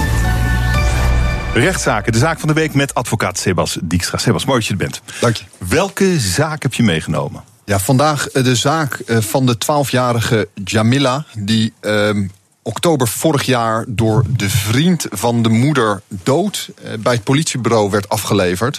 Uh, morgen dient de inhoudelijke, uh, of dient de zaak inhoudelijk bij de mhm. rechtbank in Assen. En ja, het is, het is wel echt een, ja, een bizarre zaak. Ik heb in, de, in de media ook gevolgd wat een impact het heeft gehad op de lokale. Wat zijn de feiten? Bevolking. Ja, het begon eigenlijk met uh, de, de, de insteek van het OM. Uh, Jamila is vermoord. Nou, vervolgens is er uh, nader onderzoek gedaan. Inmiddels is de tenlastelegging doodslag plus seksueel misbruik. Uh, er heeft ook nog een, uh, enige tijd een discussie gespeeld van uh, moeten we alles gaan reconstrueren, Moet er een reconstructie komen? Uiteindelijk heeft OM gezegd dat hoeft niet meer, want ze hebben hem uitgebreid gehoord. Freddy D, de, de vriend van de moeder. En ja, daaruit hebben ze wel een helder beeld gekregen. Hij heeft ook bekend. Dus ehm, de zaak is wat dat betreft wel klip en klaar qua, ehm, qua feiten. doodslag plus seksueel misbruik. Hmm. Maar wat, wat, wat ik wel een bijzonder uh, punt vind, en dat uh, wil ik wel aanstippen. Uh, in, in, in, de, in, de, in de gemeenschap heerste echt een enorme huivering. Ik heb ook de stille tocht gezien. Nou, echt rijen mensen zijn hier naartoe gekomen. Het was een vrolijke brugklasser. daaruit blijkt wel de impact. Maar wat mij opviel in de berichtgeving was dat de burgemeester heel snel naar voren trad. burgemeester Lohuis. Om maar te zeggen: er is geen dossier bij jeugdzorg bekend van deze zaak. Ah. En ik legde natuurlijk gelijk uh, de link naar de zaak Charlene, uh, waar een enorm jeugdzorgdossier was en waar de gemeente, of eigenlijk uh, geen enkele jeugdzorgmedewerker, iets heeft gedaan. Terwijl dat meisje had nooit bij haar moeder in huis mogen zijn op dat moment dat ze van het balkon afkwam. Dus dan is mijn vraag natuurlijk op het moment dat ik dat lees. Je kan wel zeggen, er is geen dossier bekend. Maar had er een dossier bekend moeten zijn? Want als je weet dat ja, je. kan je nou zeggen? Ja, ja, nou inderdaad. Dus ik, ik vind het veel belangrijker. Zo'n burgemeester die wilde natuurlijk meteen die aansprakelijkheid van zich afduwen. Maar ik zou wel willen weten, en onderzoekt dat AUB had er een dossier bekend moeten zijn en had deze dood, zeg maar het misbruik, uh, de doodslag, had die voorkomen kunnen worden als wij meer feiten hadden gekend of als er kordaat was opgetreden. Want misschien waren die zorgmeldingen wel, alleen waren ze niet op de, op de juiste plek aangekomen, zoals ook in de zaak Charlene uh, nu bekend is. Maar uh, was er misschien, uh, had de vader misschien een strafrechtelijk verleden? Of de moeder? We hadden, waren er aanknopingspunten? Ja, dit, dit, dit ging, op, dit ging om de vriend van de moeder. Ja. Uh, die, heeft haar kennelijk, oh ja, ja. ja, die heeft haar kennelijk een tijdje meegehad in de auto. Die heeft ook dood met haar, of althans, zij was dood terwijl ze in de auto lag. heeft met haar rondgereden. Het zou gebeurd zijn bij, bij het geheugd Punthorst nou, het zegt me niks, maar het is bij Staphorst. Mm. Dat is uiteraard wel bekend. En daar zou die ook haar uh, gewurgd hebben. Dus het is, het is een, af, ja, een verhaal. Uh, maar ja, hoe heeft het zover kunnen komen? Hoe is die, die, dat, dat, meisje bij die man in de auto of anderszins terechtgekomen? En ja, inderdaad, ik zit met name met. Waarom doet iemand zo? Ja, dat waarom doet iemand zoiets? Ja, de, de, inderdaad. Maar op het moment dat ik zo'n zaak hoor, ik wil dan eigenlijk meteen weten: had dit op een of andere manier kunnen voorko voorkomen kunnen worden? Kom je dat, vaak tegen? Dat je denkt van hier hadden we toch moeten, beter moeten opletten. Ja, ik, mijn, zeg maar, mijn ervaring in de praktijk is of er gebeurt helemaal niets en het gaat fout. En ik geef het een voorbeeld van uh, Charlene. Uh, of er gebeurt te vroeg iets. Dat kinderen uit huis geplaatst worden terwijl die ouders het echt nog wel aankunnen. Eh, en, en je ziet ook wat ook wel een beetje regiogebonden hoor. Want ik, ik zie toch wel in het westen wordt er veel sneller en adequater opgetreden. En ik zie toch wel wat meer uh, noordelijker dat het toch wat, wat stroperiger gaat. En dat, dan zie je toch wel dat er regionale verschillen zijn. In de algemene zin. Hè? Dus uh -huh. natuurlijk individuele casussen uh, daar gelaten. Maar dat, dat voel je toch, zeker als je veel van dit soort zaken uit huisplaatsing onder toezichtstellingen ziet. Dan denk je ja Het, het, is mensenwerk, dat geef, ik, dat geef ik toe. Alleen op het moment dat je echte zorgsignalen gewoon negeert... of naast je neerlegt of niet doormeldt... Ja, dan heb je als jeugdwerker in brede zin heb je wel iets uit te leggen naar de buitenland. Ik kan mij wel heel goed voorstellen dat wat jij hier zegt... Uh, waren er signalen, dat dat inmiddels wel uitgezocht is. Denk je niet? Ja, maar dat is, niet, dat is niet de scope van het strafrechtelijk onderzoek. Die kijken, heeft hij dit delict uh, gepleegd? Ja. Welke feiten zijn er? Ja. Die, die maar dan ga je toch verder kijken? Dan ja. ga je toch kijken, waren er misschien signalen, hadden er signalen moeten zijn geweest? En uh, wie de, heeft de, die dan niet opgepikt? De, burger, de, burgemeester, de burgemeester zei direct na het incident, zo snel mogelijk... Uh, uh, hij heeft de vraag gekregen van uh, onbewust gaan de gedachten direct uit naar de zaak Charlene. Het meisje dat in juni 15 om het leven kwam. Toen ze van de flat kwam in Hogeveen. Dat gezin was al bekend bij jeugdzorg. In het geval van Jamila is daar geen sprake van. En de burgemeester zegt letterlijk... dat is natuurlijk ook het eerste waar we naar hebben gekeken. Maar er is geen dossier van haar bij jeugdzorg. Dat klinkt van ja. alsjeblieft aansprakelijkheid. Administratief is het geregeld. Ja. ja. Maar oh. daarom, daarom vind ik het van belang om te benadrukken. Ik bedoel, journalistiek gezien had er een dossier bekend moeten zijn. En ik ja, hoop ook dat, dat journalisten die dit horen meteen erop induiken. En we gaan uitzoeken, zijn die signalen ooit doorgemeld? Hadden wij dit kunnen weten en had het voorkomen kunnen worden? Advocaat Sebas Dijkstra, dankjewel. BNR Nieuwsradio. Hemmen. Hemmen. Fijn dat je luistert naar Hemmen, je dagelijkse deep dive in het nieuws. Vanaf 25 mei gaat de nieuwe privacywet in. De Algemene Verordening Gegevensbescherming. Wie hebben jouw gegevens in handen? Wie treden erop als waakhond en wie beslissen er eigenlijk over die data? Deze week ontvang ik elke werkdag de Big Five van de privacy. Big Five. Met vandaag Aleid Wolsen, de voorzitter van de autoriteit persoonsgegevens, de instantie die die nieuwe wet moet gaan handhaven. Mooi dat u er bent, meneer Wolsen. Welkom. Dank voor de uitnodiging. Voor iedereen die met persoonsgegevens werkt, die ze heeft, gaat er heel veel veranderen. Maar voor u ook.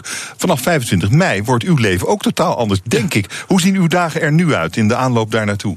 Ja, wij worden zelfs opgegeven. Dus in de nacht van 4 op 25 mei bestaan we even één seconde niet meer. En dan wordt de oude, het oude college bescherming persoonsgegevens, we noemen ons nu wel autoriteit persoonsgegevens, maar dan worden we ook formeel, ze worden één seconde opgegeven en staan dan opnieuw op onder die nieuwe Europese wetgeving. Ja, en onze dagen zijn nu druk. We doen heel veel aan voorlichting. We worden ook plat gebeld. We hebben uh, net toevallig de cijfers van de eerste maanden geanalyseerd. Vorig jaar waren we in het hele jaar ongeveer 10.000 keer zijn we gebeld. Met vragen of potentiële tips of met potentiële klachten. Op dit moment zijn we al aan het aantal van bijna 10.000, wat we vorig jaar dus in het hele jaar hadden. Dus we zijn hartstikke druk. We geven heel veel voorlichting, zijn veel in het land, geven radio-interviews. Maar doen heel veel aan voorlichting, gewoon echt het hele Aha. land door. Dat is ook heel belangrijk. Die 10.000 vragen, uh, dat zijn vooral vragen en geen klachten. Mensen snappen het niet. Ja, mensen, ongeveer, als we heel ruw is, de helft is, is, zijn vragen. Uh, mensen snappen het niet of uh, zeggen, nou, ik, ik luister elke paar weken een uurtje ook mee. En vorige keer, de laatste keer dat ik meeluisterde, belde een kapper die zei, ja, ik ben nog, nee, sorry, een fotograaf, die zei, ik ben nog een paar maanden in functie na 25 mei. Ik maak foto's, ook van dementerende mensen. Die gebruik ik ook voor mijn site hoe ga ik daarmee om? Dat is een over, redelijk overzichtelijke vraag. Maar je hebt ook hele ingewikkelde vragen. Moet ik een Hoe moet je ermee omgaan eigenlijk, die fotograaf? Nou, je moet aan mensen toestemming vragen. Als je foto's van mensen gebruikt voor je site, moet je even toestemming vragen. En als een dementerende oudere zegt, uh, is goed, dan, is dat, dan geldt dat ook? Nee, want als iemand echt aan het dementeren is, kan hij niet meer voor zichzelf okay, spreken. Dan moet je even iemand vragen die namens hem of haar uh, kan spreken. Oh, okay. Dat hoeft niet met ingewikkelde contracten. Nee, nee. Hè. denken mensen soms ook. Ze kreeg vorige week een sms'je van een oud collega, een burgemeester. En die zei: Kan ik nu niet meer op de foto met 60-jarigen? Kan ik dat niet meer uh, twitteren? Ja, dat kan wel, maar basis is eigenlijk goed fatsoen nog. Je vraagt even aan de mensen die je fotografeert en die je op de site wilt zetten. Vindt u dat goed? Bijna iedereen vindt dat goed, maar niet altijd iedereen. Nee, maar en als iemand dan het toch niet goed vindt en je doet het wel, krijg je dan een boete? Nou, dan zou iemand kunnen zeggen. Ja, ja, die kan bij ons een klacht indienen na 25 mei. Hij kan zeggen: iemand maakt ten onrechte gebruik van mijn portret. Dat is een persoonsgegeven. Dat wil ik niet. Ik heb er ook. En dan hangt het natuurlijk vanaf of iemand er echt bezwaar tegen heeft gemaakt. Of wanneer het per ongeluk gaat, zeg maar. Daar houden we natuurlijk allemaal wel rekening mee. We zijn natuurlijk een redelijke toezichthouder. Maar als iemand bewust, zeg maar opzettelijk zegt: van ja, ik ga die foto toch gebruiken. Terwijl mij was aangegeven dat het niet mocht. Ja, dat moet je niet doen. Nee, dat is ook wel de essentie van die nieuwe wet natuurlijk. Exact. Ja. Uh, dat geldt ook voor al die bedrijven. Maar vindt u niet zorgelijk dat u zoveel telefoontjes krijgt van bedrijven, van mensen die het niet snappen? Nee, ik vind het wel een goed teken. Omdat uh, heel veel mensen die vragen soms ook naar de bekende weg. Worden mensen worden ook soms wel een beetje bang gemaakt, zeg alle eerlijkheid. En die worden ja, door die hoge boetes. Ja, door die hoge boetes. ja. En wij zeggen steeds, we zijn een redelijke toezicht we kunnen inderdaad boetes opleggen. Maar als we dat niet doen, dan neemt niemand dat meer serieus. Maar we zijn natuurlijk wel redelijk. En mensen, maar sommige bedrijven worden, eh, die maken andere bedrijven weer bang. En zeggen, nou ja, straks kunt u grote boetes krijgen, pas op, pas op. Ja. En dan schrikken mensen. En wij zeggen ook voor gewone middenstanders. Je moet even inventariseren. Natuurlijk is het vervelend en naar. En het is bureaucratie. Zo wordt het ook ervaren. En dat snap ik ook wel. Maar je moet er even voor gaan zitten. Wat heb ik in huis? Met welk doel? Hoe lang bewaar ik het? Is het goed beveiligd? Dat soort basale vragen moet je je even afvragen. Ja, want een lek is natuurlijk ook al uh, een, een, een, reden voor een flinke bekeuring. Hè? Ja, zeker. En, want, en, en, een lek kan zijn, dat kan soms een heel klein bedrijfje zijn, bijvoorbeeld met gezondheidsgegevens of een sportapp. Of tegenwoordig heb je al heel veel van die gezondheidsapps ook. Daar kunnen hele gevoelige hm. gegevens in zitten. Als die hm. van u of van mij op straat komen, vinden mensen dat heel vervelend. Ja. Uh, het is wel zo dat u doet regelmatig uh, enquêtes onder bedrijfsleven. Ja. Uh, wat heeft de laatste opgeleverd? Qua begrip en, en voorbereiding? Nou, zijn we er klaar voor?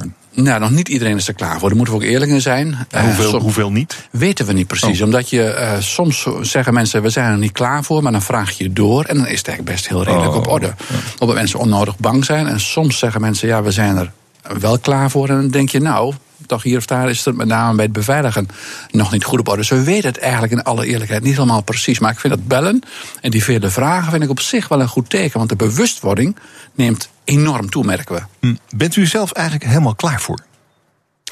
Ja, dat ben je nooit helemaal. We zijn enorm aan het groeien. Die telefoontjes, dat lukt heel redelijk om die allemaal af te doen. Maar we weten niet precies hoeveel klachten we gaan krijgen na 25 mei. En als alles redelijk op orde is en al die telefoontjes en al die praatjes en voorlichtingsbijeenkomsten en al die wat wij doen aan voorlichting, als dat heel goed gaat, ja, dan krijgen we waarschijnlijk heel weinig klachten. Maar als het toch nodig niet op orde is, ja, dan zouden we veel klachten kunnen krijgen. En dan hebben we te weinig mensen. U dus, moet die klachten uitzoeken? Ja, tot op dit moment niet. Dus tot 25 mei geldt nog die oude wetgeving. Mhm. Daarin staat dat je ons tips kunt geven of een, mhm. een verzoek om handhaving kunt, kunt doen. Dat is een beetje ingewikkeld. Maar vanaf 25 mei is in heel Europa... moeten alle collega's die klachten ontvangen moeten ze in behandeling nemen. Wij voelen dat ook als mogen. Dan worden we een soort ombudsman voor de privacy. Het kan over de plaatselijke voetbalvereniging gaan, over de bank, over het ziekenhuis, tot en met het ministerie van Justitie, die natuurlijk, waar de politie natuurlijk heel veel data van verwerkt. Al die klachten gaan we behandelen. Ja, dus, en, en, dat moet ook. U kunt niet zeggen, dit is zo'n onzin... of dat doe je alleen maar om je concurrent dwars te zitten. Nou, we kijken natuurlijk wel of de klacht ontvankelijk is. Hè, van, wat gaat het over persoonsgegevens, ja, of nee? Want mensen kunnen ook bij ons klagen. Dat zie je ook wel eens in de rechtspraak... dat mensen procederen terwijl er eigenlijk een onderliggend iets oh, is... dat mensen onfatsoenlijk zijn bejegend door een gemeente of door een bedrijf. Dan is de klacht iets anders. Dan zeggen we, nou, dan kunt u beter naar een andere instantie gaan. Als het, als het misbruik is van je recht... dat mensen elke week een verzoek om inzage bij hun, over hun gegevens sturen... bijvoorbeeld hier bij Business News Radio elke week dat vragen over diezelfde data. Ja, dan is het een soort misbruik van je inzagerecht natuurlijk. Oh ja. Dus dan gaan we, we gaan natuurlijk wel kijken of mensen een redelijk punt hebben, ja of nee. Maar in beginsel gaan we uit van de wil van de mensen die bij ons klagen. Want ja, als gewone burger wat moet je tegen zo'n heel groot bedrijf of tegen een ziekenhuis of tegen een groot ministerie? Hmm. begin je niks tegen. Nee, nee dus daarom is fijn dat u er bent. Alleen, u heeft al een paar keer heb ik u horen zeggen, we, we hebben meer geld nodig. Uh, geloof, ik geloof dat jullie uitgerekend hebben, er is minstens drie keer zoveel geld en mankracht nodig ja. uh, om klaar te zijn voor wat er allemaal ja, komt. Klopt, ja. Is dat al geregeld? Nou, we zijn bijna verdubbeld nu. Dus we hebben wel uitgerekend oh, dat we tussen de 2,5 en 3,5 keer zo groot uh, moeten worden als we nu zijn. En we zijn bijna al verdubbeld, dus we groeien wel heel snel. Uh, en de minister van Rechtsbescherming heeft ook gezegd bij de behandeling in de Kamer. Ik geef nu extra middelen, ik volg dat goed. En de voorzitter van de autoriteit weet mij te vinden als hij in de knel komt. En dat lijkt me een oh, goede afspraak. Oh, Oké, dus u, u, gaat gewoon, uh, als u het nodig heeft, dan komt het. Ja, want zo simpel is het eigenlijk. Ja, omdat het ook in Europa is afgesproken. Want je, je kunt niet met in 28 landen, 28 parlementen, 28 ministers, de Europese Commissie, Europese Parlement, Raad van Ministers in Europa, met z'n allen zeggen: dit vinden we belangrijk, dit is een grondrecht, dit geeft extra rechten aan mensen. En vervolgens als puntje hm. bij paaltje komt en mensen hebben een klacht, dat wij dan niet thuis moeten geven omdat we gebrek aan middelen hebben. Ja, dan haal je die hele wet onderuit. Is dat het... is niet de bedoeling. Het is wel zo dat uh, u, u, moet die wet gaan handhaven, uh, maar u moet hem ook interpreteren. Ja, klopt. Het is niet zo, het is niet zo eh, glashelder één op één over te zetten. Ja. Uh, dus waar het om gaat is, wat is uw interpretatie van die wet op basis waarvan u gaat handhaven? U heeft de mogelijkheid om uh, boetes van 20 miljoen of zelfs 4% ja. van de wereldwijde jaaromzet op te leggen. Ja. Uh, nou, dat zult u waarschijnlijk niet meteen doen. Maar u kunt wel bepalen, ik ga er van meet af aan keihard in Ja. of niet? Ja. Wat doet u? Ja, een, een beetje middenweg. Omdat we, we worden bijvoorbeeld elke dag bijna gebeld over hoe lang mag ik data bewaren. Iedereen bewaart gegevens. En dan zijn mensen ook heel bang voor die boetes. Dus dan zeggen we, we zijn natuurlijk een redelijke toezichthouder. Als je voor sommige eh, eh, gegevens, bijvoorbeeld voor de Belastingdienst, moet je het zeven jaar bewaren. Gezondheidsgegevens staan wettelijke termijnen voor. Dat is allemaal in de wet helder geregeld. Dan heb je een andere kant heb je allemaal eh, data, bijvoorbeeld sollicitatiebrieven. Hè. Eh, gebeurt in elk bedrijf ook dagelijks. Hoe lang mag je die bewaren? Hebben wij normen voor op de site staan. Sollicitaties, als de procedure is afgelopen vier weken, moet je alles vernietigen. Open sollicitaties, een jaar ongeveer mag je ze dan bewaren. Dus er zijn ook heldere termijnen. Dan heb je nog een soort buitencategorie van. U en ik snappen ook dat als je alles altijd 50 of 100 jaar wilt bewaren, dat is onredelijk lang, zullen we onmiddellijk tegen optreden. Maar dan heb je zo'n grijs gebied waar mensen heel onzeker over worden. Die zeggen ja, ik heb. Ik, ik, en dan zeggen wij: leg goed uit waarom je iets bewaart. Beredeneer waarom je het zo lang wilt bewaren als je het wilt bewaren. En dan zeggen wij: als je er goed over hebt nagedacht, het goed hebt gemotiveerd. heb je in beginsel geen probleem met ons als je ook streng naar jezelf bent. Als we dan toch vinden. bijvoorbeeld, u bewaart het zeven jaar. en wij zeggen: nee, in Europa hebben we afgesproken drie jaar. Dan zeggen we: dan krijg je een redelijke overgangstermijn. en niet onmiddellijk een boete om je aan te passen aan die nieuwe termijn. Dus over die bewaartermijnen hoeven mensen, vanaf nu hoop ik, niet lang meer onzeker te zijn. Er is wel heel veel onzekerheid over, omdat die norm een soort open norm is, zoals u het terecht beschreef. Ja, maar dat is wel onduidelijk. Eh, Ik bedoel, drie jaar is drie jaar, zou je kunnen zeggen. Dat is voor Ja. iedereen duidelijk. Ja, drie jaar is veel duidelijk. En die sollicitatietermijn is duidelijk. Gezondheidsgegevens zijn duidelijk. Eh, nou ja, heel veel dingen zijn wel duidelijk. Maar voor een heel groot gebied, omdat het maatwerk is. Je snapt dat je bij bepaalde bedrijven be- bewaar je data langer dan bij andere bedrijven of bij de overheid. Er is een wat grijs gebied. En daar zullen we heldere uitleg geven. En als er, als er over getwijfeld wordt, en mensen zijn wel goed bezig, en hebben er goed over nagedacht. En zijn ook streng voor zichzelf geweest. Maar het is, blijkt toch te lang te zijn. Dan zullen we redelijk zijn en een overgangstermijn geven. En zeggen: nee, u bewaart het zeven jaar, het moet vijf jaar zijn. Pas het aan. En dan krijgen ze geen boete, maar kunnen ze zich netjes aanpassen. Dus die mensen hoeven daar niet onzeker over te zijn. Terwijl de norm wat open is. Maar Waar moet je je wel zorgen over maken? Nou, als je, als je de spullen niet goed hebt beveiligd. Eh, dat is heel bazaal. Als eh, overheden en bedrijven, zorginstellingen zijn verplicht om een functionaris voor de gegevensbescherming te hebben. Dat is een soort interne toezichthouder ter plekke. Ja, dat is voor ons heel makkelijk even afvinken na 25 mei. Daar zullen we ook echt streng tegen zijn. Want als je dat al niet op orde hebt, ja, dan moeten we ook vrezen voor de, recht, voor de rest.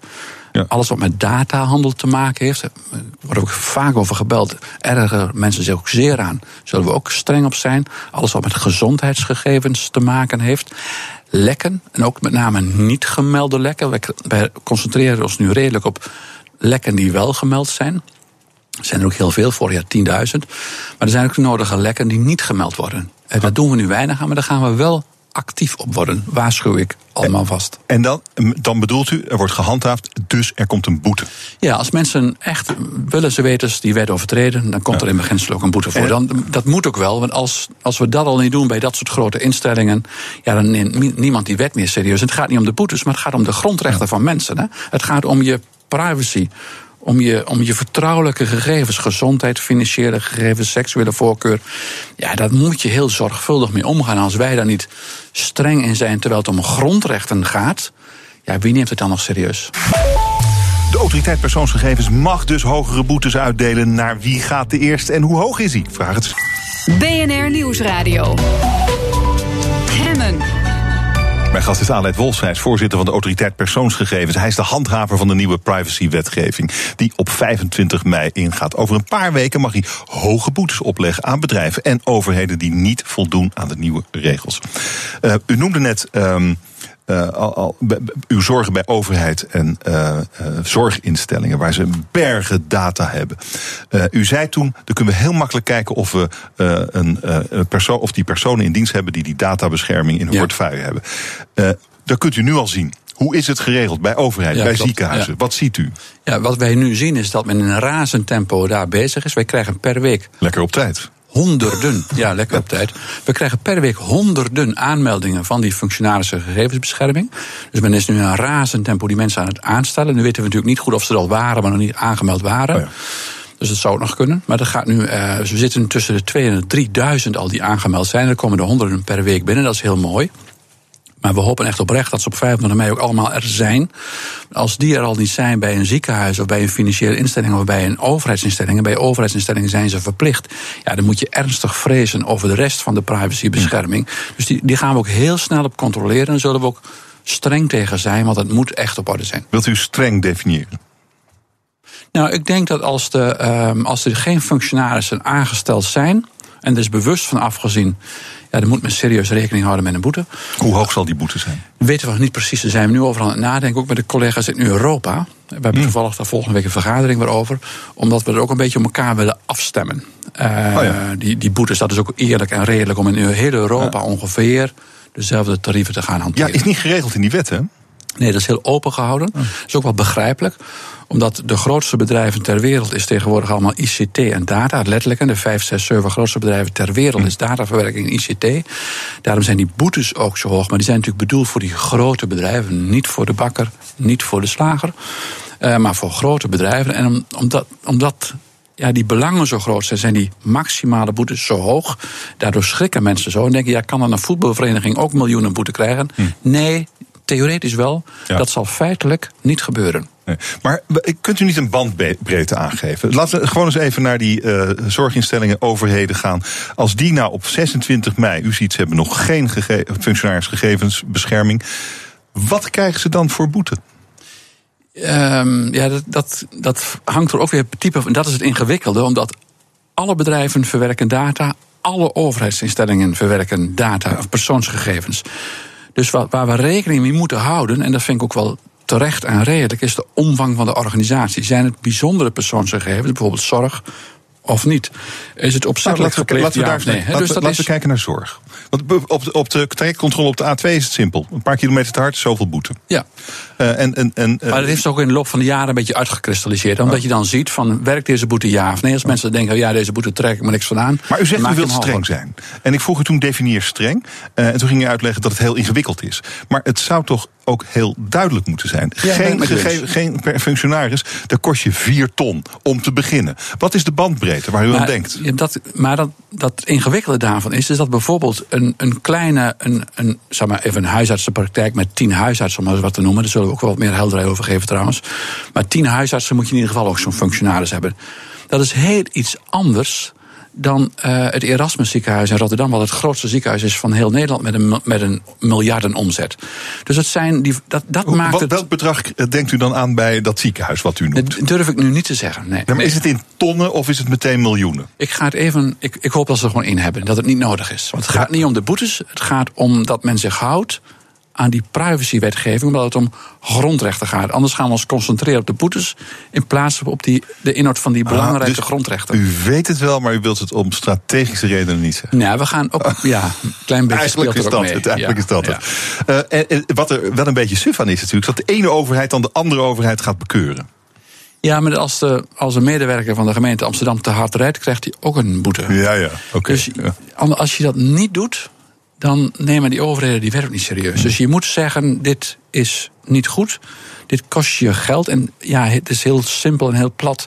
Als het geld kost, dan gaan mensen toch hun gedrag aanpassen. Een kleine financiële prikkel kan soms echt wonderen doen. Ja, maar oké, maar die, die, die, dat ziekenhuis of die overheid krijgt niet persoonlijk een bekeuring. Dat gaat eh, natuurlijk eh, van de grote hoop. Dat is niet een mens die een bekeuring krijgt, dat is de organisatie. Nou, dan moet ik ook nu het zo expliciet Oh. vragen, moet ik daar ook even helderheid over verschaffen. Dat is zo in beginsel, Mhm. maar de wet zit wel zo in elkaar dat als de leiding van zo'n bedrijf of de leiding van zo'n ziekenhuis ehm, daar verantwoordelijk voor is en daar ook betrokken bij is geweest, kunnen we ook de bestuurders van die instellingen een Zo. boete opleggen. Ja, dat, dat is wel serieus. Ja. Zit daar een maximum aan? Eh, dezelfde. Zijn dezelfde. Ja, zijn 20 dezelfde. miljoen, Ja, boem. ja. Oké, ik denk eigenlijk, eh, meneer Vossen, dat de eerste organisatie die u een bekeuring gaat opleggen, dat dat inderdaad een zorginstelling of een overheidsinstelling is. Wat denkt u? Nou, het is, het is in ieder geval een plek waarvan iedereen zegt: ja, het is het logisch dat ze daar nou eens tegen optreden. En daar horen deze categorieën inderdaad wel bij. Uh, antwoord is ja. Ik zeg niet nee. nee. ik zeg niet nee, Nee, dat, je, dat je niet precies weet. Je weet niet Aha. welke klachten je binnenkrijgt. En men kan het gewoon heel keurig op orde hebben.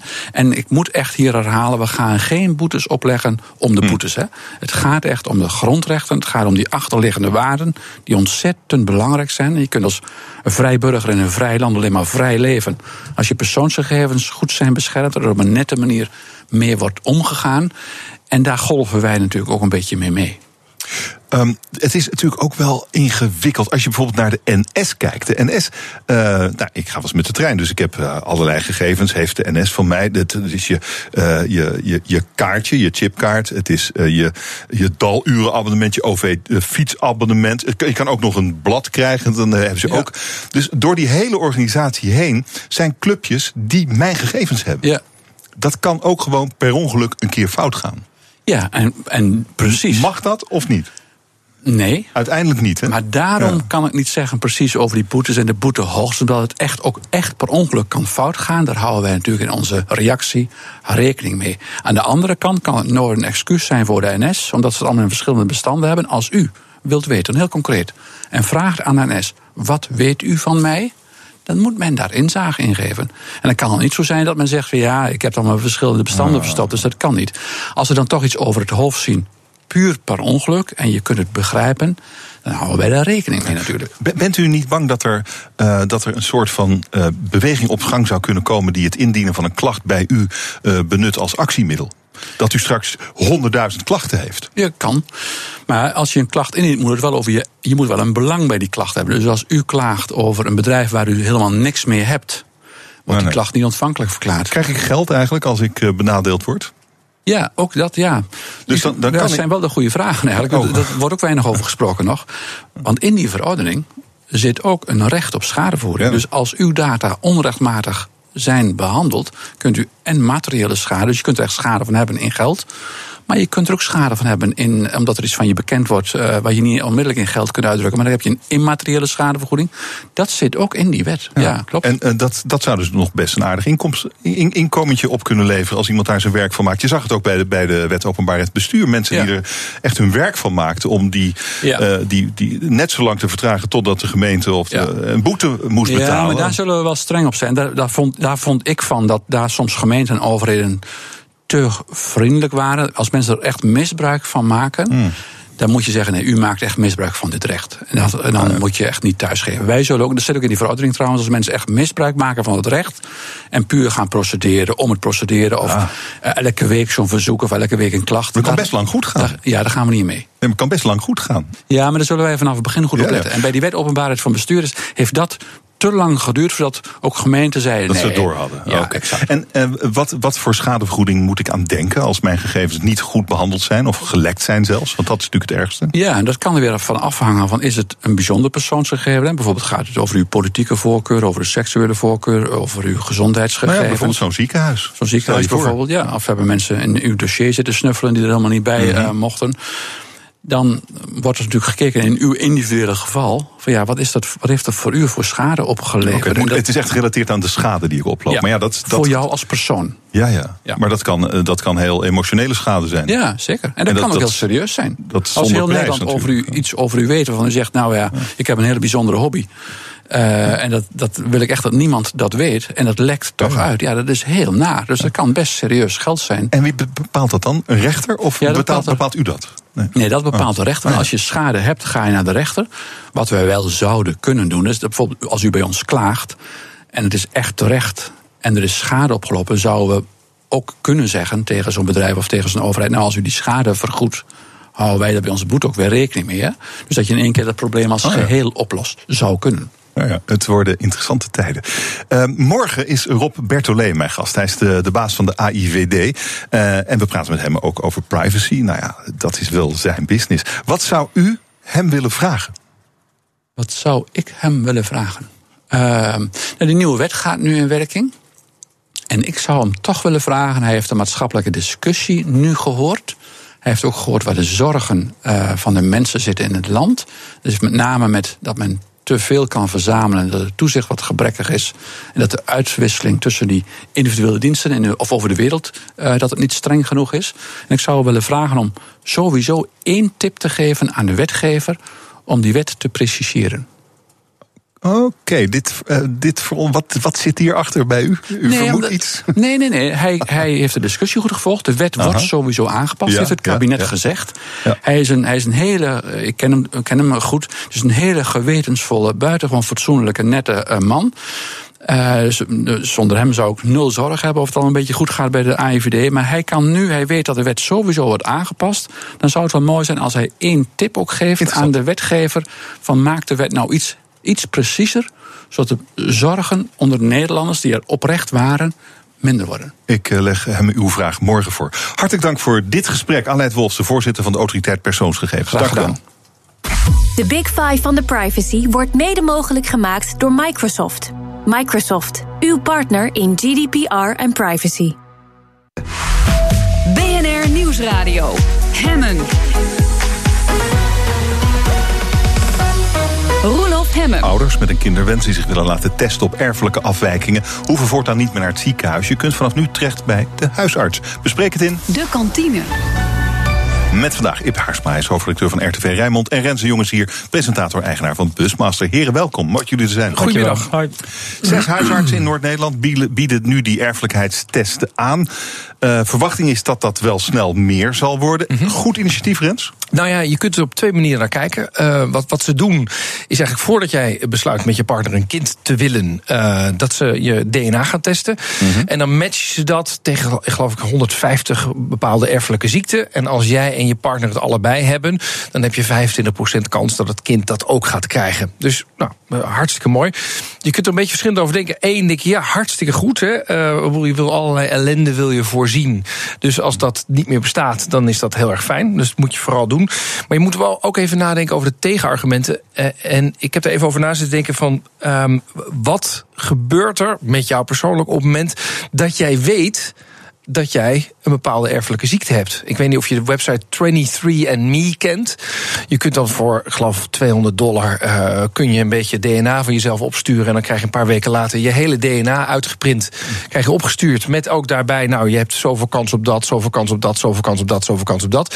Ik ben een enorme tech-optimist, maar dit heb ik nog niet aangedurfd. Want ik ben namelijk ook hypochonder, dus dat wil ik niet. Ik zou dat ook, nooit, ik zou dat ook niet en, durven. En dus, dus dat uh, ja, word je bijna gedwongen om dat te doen. Je gaat anders kijken naar je partner, denk ik dan. Je hebt nog geen kinderen. Je denkt, oeh, dat is eigenlijk best wel een hele slechte DNA-match. Misschien gaan allerlei huwelijken kapot. En als laatste is het zo, dit wordt dan wel de norm. Dus als je dan een kind hebt met een erfelijke afwijking na vandaag... dan gaan mensen tegen jou zeggen, ja, maar het is eigen schuld, dikke bult. Had je het maar even moeten checken. En dan moet je dus in zo'n DNA-molen in... terwijl je dat misschien helemaal niet wil. Oké, dus eigenlijk een slecht idee. Nee, nou ja, het zijn voor- en tegen-argumenten. Hmm. Uiteindelijk denk ik van ja, weet je wel, wat weegt het zwaarste? Ik denk ellende de wereld uithalen en ziekte de wereld halen is denk ik het zwaarst wegend. Dus ik zou er wel ik, voor zijn, maar ja. je moet er wel over nadenken. Ik dacht nog wel, wat doe je dan met je kinderwens? Stel je voor, je, je weet uh, met een vrij grote zekerheid dat je een kind krijgt met jouw erfelijke afwijking. Wat doe je dan? Nou ja, dat is natuurlijk de, de medisch-ethische kwestie. Uh, de kans dat je dan ook echt een kind krijgt. Uh, je hebt een kansberekening, is het eigenlijk. Mm. Um, vervolgens moet je dan het besluit nemen.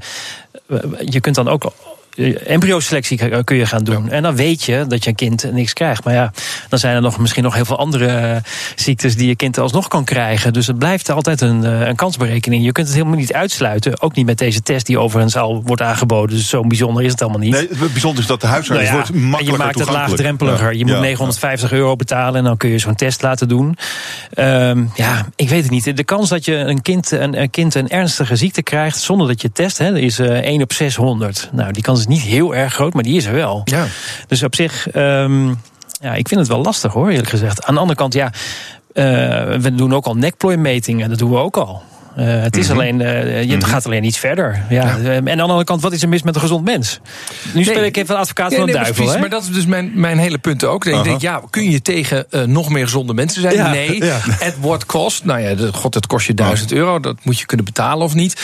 Maar dat betekent wel de implicatie dat jij exact weet of jij gevoelig bent voor Alzheimer's of niet. Ja. En de vraag is even, wil je dat weten?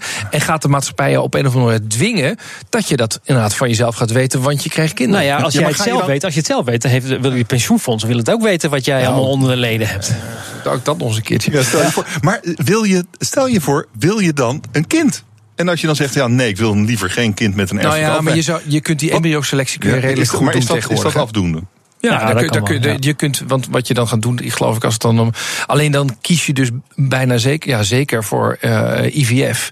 En dan ga je dus kijken welk, welk embryootje heeft dit DNA eh, Welke is ko- het beste? kopiëren het beste gedaan en welke niet. Maar ja, we associëren natuurlijk met de, de, eh, eh, het sele- selecteren van een ras. Daar, daar, dat Ja, is, de, maar dat is uiteindelijk ja, wat maar dat vind, ik, dat vind ik altijd meteen zo heel fout. Zeg Nou maar. ja, ik vind die- niks fout. Het is meer waarop wij, waar, wat, waar, waar de gevoelige snaar. Ja, waar- ja. De gevoeligheid ligt hem in dat. Ja, maar dat- dat, je de, dat- ja. de perfecte mens moet hebben Ja, creëren. Ja, maar dat is, dat is het niet. Want, eh, wat dat- is het dan? Want- nou, kijk, eh, de perfecte mens kunt, creëren zou je de vraag, maar wat Nee, is er mis met een gezond mens? Nee, dat is waar. Maar dat is, dan ga je richting, laten we zeggen, dan bepaal je wat de norm is. Wat de norm is, is een gezond mens. En alles wat daarvan afwijkt aan de onderkant, zou je kunnen zeggen, nou laten we dat proberen beter te maken. Het perfecte ras is als je gaat kijken, nee, hoe kunnen we dit DNA zo selecteren? Of eh, je, hebt, je hebt het CRISPR-Cas9, dat is zo'n zo'n gene editing machine, dat we ze IQ altijd op 140 zetten. Dat is inderdaad. Maar ja, dat is- als je dat van tevoren- nee, maar, dat, maar, maar ik vind er wel een heel groot verschil zitten tussen het krijgen naar het normaal of het buiten normaal maken. Maar wat Vind- is dan normaal volgens jou? Een kind Nou ja. zonder een, een, Nee, een, ik, eh, ik, ik aangeboren denk dat jij en ik best wel makkelijk kunnen bepalen wat ongeveer een normaal gezond kind is. Nou, dat ik, vind ik had best wel lastig. ik had best een IQ van 140 willen hebben of Ja. zo. Heb ik dat misschien maar, nog wel? eh, jongens, weet, wat je, wat- weet je wat leuk is? als-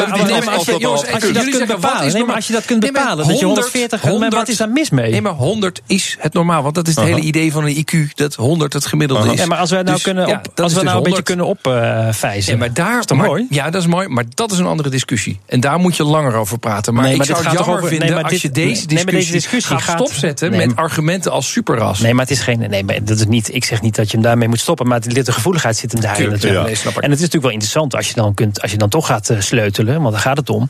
dan kun je ook eh, zeggen. Nou, dan kiezen we de meest eh, slimme variant van de, de baby Ja. die we potentieel kunnen maken. En de knapste. Ja, nou ja, dat is dan weer. Oh, eh, nou ja, bij jou is dat zo. zo al iemand die heel goed, iemand die heel goed kan zingen. Heel veel kansen maakt bij het Euro Songfestival. La- laten we het over het weer gaan hebben. Gisteren was het weer zover. Grote delen van het land in een paar uur net zoveel regels normaal in een maand. Ja. Dat gebeurt natuurlijk steeds vaker. Dat is nou klimaatverandering. Eh, maar het levert elke keer weer gigantische overlast op. Wij zijn er nog niet klaar voor. Nee. Raar hè, eigenlijk.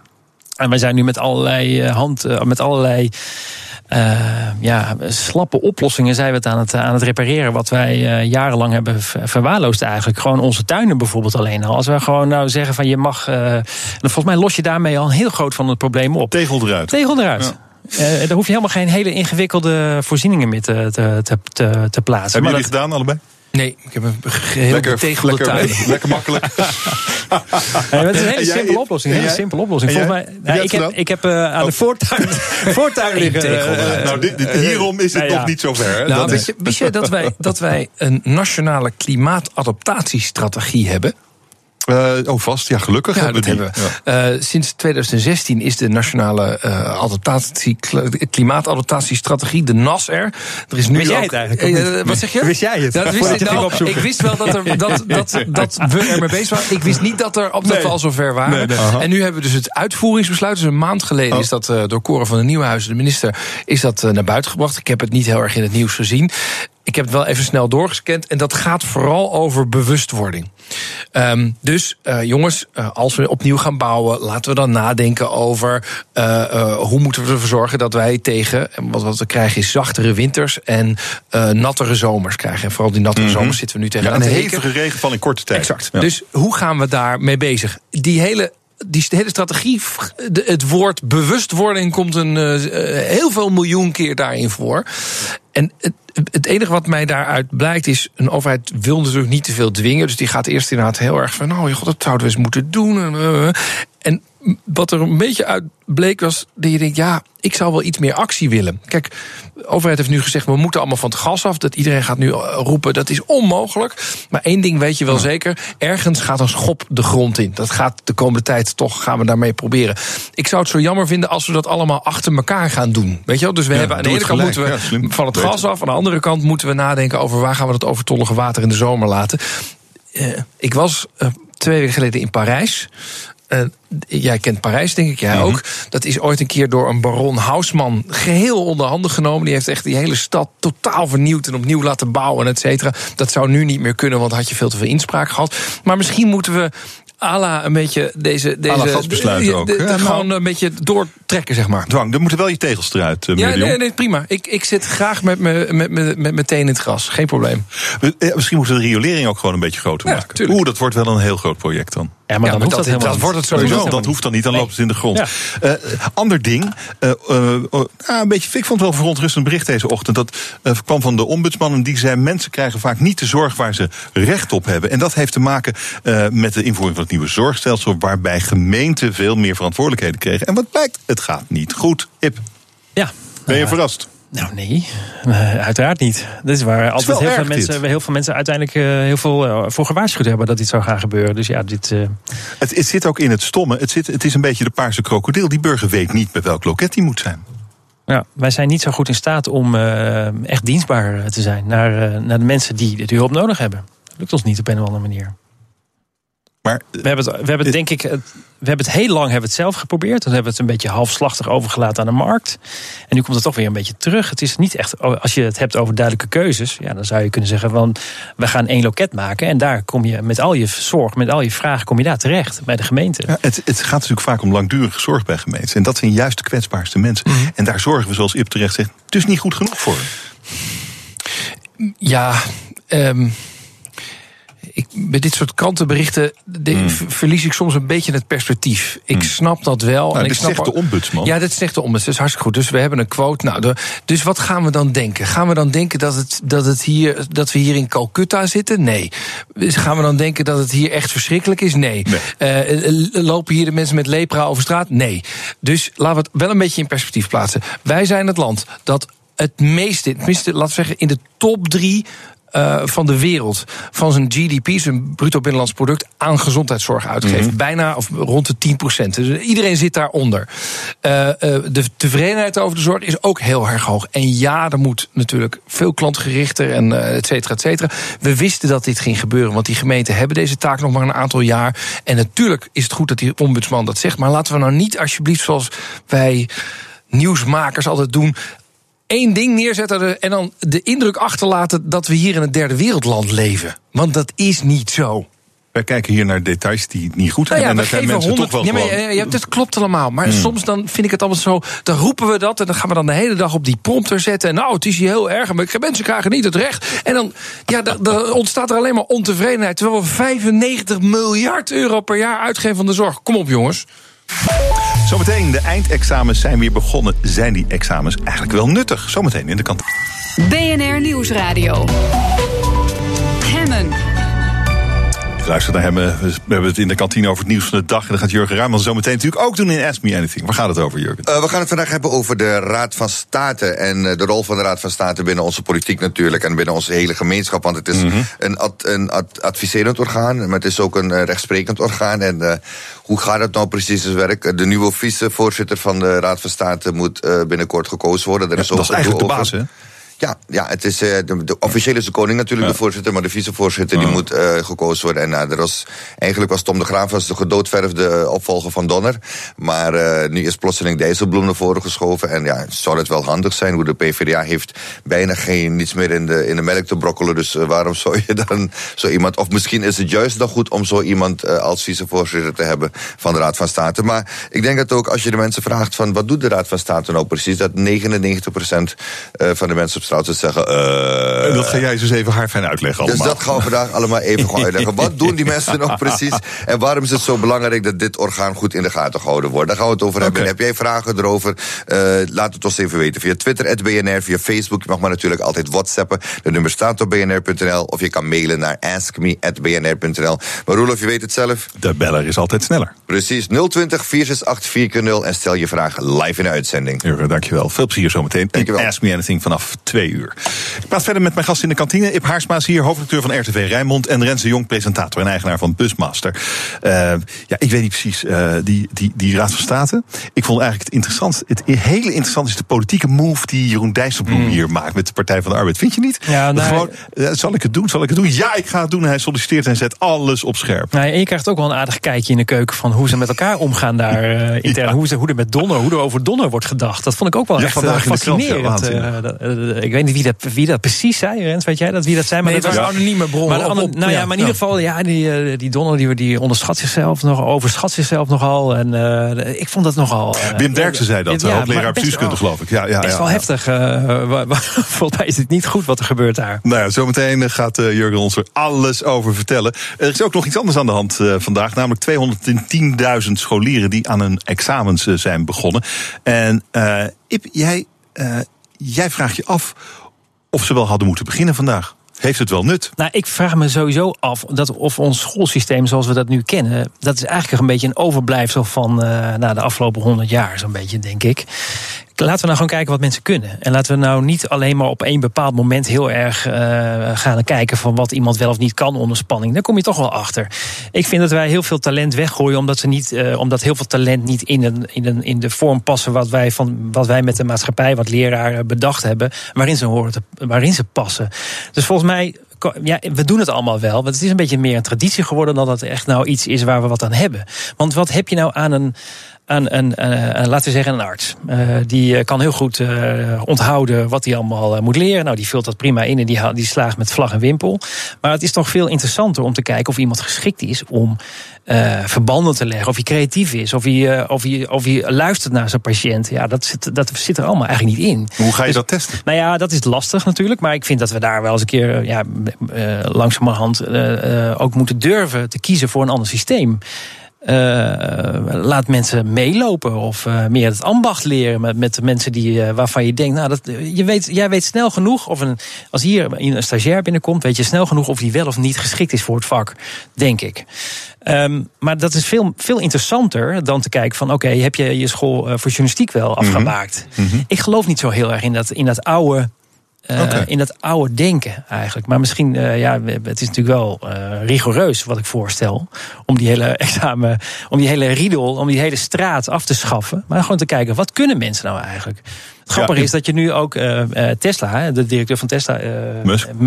ja, die kijkt niet meer wat mensen gedaan hebben, maar die volgt gewoon zijn gevoel. En die zit eigenlijk altijd goed. En die kijkt helemaal niet meer naar wat iemand heeft gehaald eh, aan papieren, maar die kijkt gewoon of iemand goed is. Dat vind ik heel interessant. En ik vind dat ook eigenlijk wel iets zeggen over onze manier waarop wij onze. De mensen die wij eh, aan het opleiden zijn, of je ze daarop zou moeten. eh, Ja, jij zegt, jij, jij zei iets interessants. Je zei, je zei we, we verkwisten talent omdat we het Ja. toetsen op de verkeerde ding. Wat vind jij, Rens?